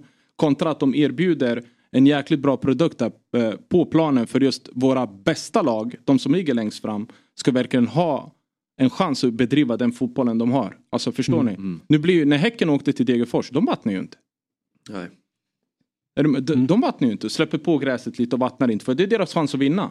Absolut finns det en charm i det. Men någonstans så måste det vara, det kan inte vara så att du åker till Degerfors och det inte är vatten och sen åker du till Ullevi eller till Malmö Arena där är planen dyngblöt och perfekt. Så där tycker jag att vi måste börja ställa krav på just själva planen först. Innan vi börjar gå och snacka i Degerfors att det ska, 10% av arenan ska vara eh, VIP-platser. Ja. Nej, den är galen. Var det 30 millar de måste pumpa in i den jävla stora vallen? Jag måste dra. Ja. Jag har, eh, Du har inte så luftigt schema som jag har. Nej, exakt. Jag bara sitter här och, och fika. Nej, det är skillnad på att spela utomlands och vara i Sverige, eller hur? Bara sitta kvar. Ja. Sköt er allihopa. Men eh, om en vecka kom tillbaka så sitter Jonas kvar här. ja, hej då, hej då. Ja, det gör vi. Hej då. Tja. Ja, vad härligt eh, med Nordin. Eh, men eh, låt oss eh, grotta ner oss, fortsätta Ja. där med eh, de som, eh, Men jag tror ju så här bestämmer. att för, från förbundshåll sätta, liksom, skapa tydligare ramverk som klubbarna behöver förhålla sig till. Vet, Danmark har vi gjort det en del och Norge också. Att så här, Eller så fattar man bara ett beslut. Det här är viktigt för oss, det här ska vi prioritera. Ja. Här lägger vi in Så- pengarna. exakt. Och, Alltså, och, så- och som Norden säger så är det väl ingången med vad vill man liksom. Vill Ja. man ha en bra produkt i allsvenskan, ja då kanske konstgräs är, är ändå, eh, eller bra vad nu det är, Mm. men, men bra mer kontinental fotboll, ja men det är det kanske konstgräs. Men vill man ha så- spelare som, som, som presterar i Europa, ha ett bra eh, landslag som, som hävdar sig i Europa, ja, men då, då tror jag man bör, bör gå längre, mer åt, åt gräshållet. Och kanske att man kan få behålla spelare lite längre. Alltså vet så här, äh, tror du att en vissa kanske går att få Mm. liksom så här från klubbar att nej, ni kan inte vara en konstgräsliga, gå till Mm. Danmark, gå till Mm. ja, kanske. Holland, Polen eller vad det nu ja, kan alltså, vara liksom. Där ligger vi också efter alltså, skriva längre kontrakt. Ja, jo, men det, det, det är en jättegrej. Jo Alltså, men det har är- väl lite men- med det att göra. Nej, men den är- länge spelare, det är väl också skriva längre kontrakt med spelare. Ja, princip. jo, jo, absolut. Jag, jag håller med om att den är superviktig, Ja. men det är ju en jättestor grej som jag tror inte, jag tror att folk fattar, men de, de har inte förmågan att göra. Nej, nej. Men Sen tror jag, alltså jag tror, jag menar, det är bara att kolla på klubbarna ute i Europa, att, att rekryteringen blir mer och mer sofistikerad. Mm. De lägger större resurser kring det. Och jag tror verkligen att de ser det som en, som en, eh, som en faktor när de ska rekrytera en spelare eller scouta en spelare. Spelar han på konstgräs, Mm. ja, det, vi kan scouta honom hur, hur mycket som helst där men, men vi vet inte hundraprocentigt hur han kommer att funka på, på gräs. Och då måste de vara säkert jävligt bra för att bli då attraktiva för dem. Alltså det är äh, okej han är på konstgräs men han har ändå något jävligt, då kan man plocka. Men så att det är ju säkert fler som eh, hamnar i någon form av limbo på grund av ligan. Mm, det tror jag också. Men ja, vi får kolla upp det. Eh, vad kommer, man, kommer man inte ifrån att konstgräs är, men vi pratar om gris och du pratar, Nej, men- Eh, Ja, alltså det, det, är otroligt. Ja, precis. Ja. När man var Men å uppe, andra man, man var på A-laget och tränade, man 17 skulle visa sig. Jaha. Hade, hade glidtacklar, hade sig. Nej men det är klart att det fyller en funktion där och, och, och som du är inne på också liksom när det handlar om utbildning i ung, ung ålder. Att du, du får bra planer, du får, du får Ja. my- my- mycket repetitioner i, i eh, teknisk Exakt. utförande. Men, men som Norden säger också inlärningen är ju även fall det, det är fler repetitioner så är det repetitioner som inte som inte är som, som när du får bollen eh, på en gräsplan. Det kommer man inte ifrån. Mm, det är spännande. All right, tusen tack för den här morgonen eh, Jonas. Vi är klara nu? Eh, Ja, nu är vi klara. Nu, vi, vi kan sitta kvar här ute sen. Det börjar Eurotalk om någon timme så det är bara att hoppa in. Är där. Åslund på väg in? Ja, han är på väg in. Ja, då ska jag vänta in honom. eh, En, en timme tror jag. Ah, Ursäkta Han kommer han alltid sent. Ja, men, ja, ja. Du vet han. Han har väl något jobb som han har Ja. Han jobbar Kom in mycket. med telefon. Ja. Köp, köp, köp, köp. Nej, sälj, sälj för fan. Du ska in på ett möte här. Ja, jag ska in på möte nu. Så klick, och så sitter han hela programmet här. Håller på med sin jävla telefon. Eh, men ett, eh, vi är ju tillbaka imorgon eh, såklart. Och innan vi ses och hörs igen så kan ni gå in på dobb.tv. Kampanj just nu med koden Fotbollsmorgon så får du två veckor helt gratis där inne på dobb.tv. Och eh, Eurotalk spelas in idag, finns eh, där poddar finns, finns också på dobb.tv senare idag. Det var det hela. De, de här, måste få om eh, resultatlotterna. Eller, är det det? Ja, men vi har- man ihåg på sin... eh, Ja visst, ja, men vi gjorde en, ut, vi gjorde en utlottning av några CD-skivor och Aha. tröjor och sådär. Ja. Men vi hade bara gula snurran idag. Ja, ja, Så ja. att alla som satt med rött kunde gå hem en gång. Eh, Men det är viktigt att välja en. Det här är fortfarande på Landskrona IP. Ja, ja. Det är Ja, ja. Ja, ja, ja. Lutte! Lutte! Fina priser! Fortfarande de här lotterna, fortfarande gräsplan. Ja, eller hur? Ja. Ja, så är det ju. Eh, Du, Robin är här imorgon. Oraklet alltså. Jesper Hoffman är här. Jag är här. Vi ses imorgon. Kram på er. Hej då! Fotbollsmorgon presenteras i samarbete med Oddset, betting online och i butik. EA Sports, FC 24.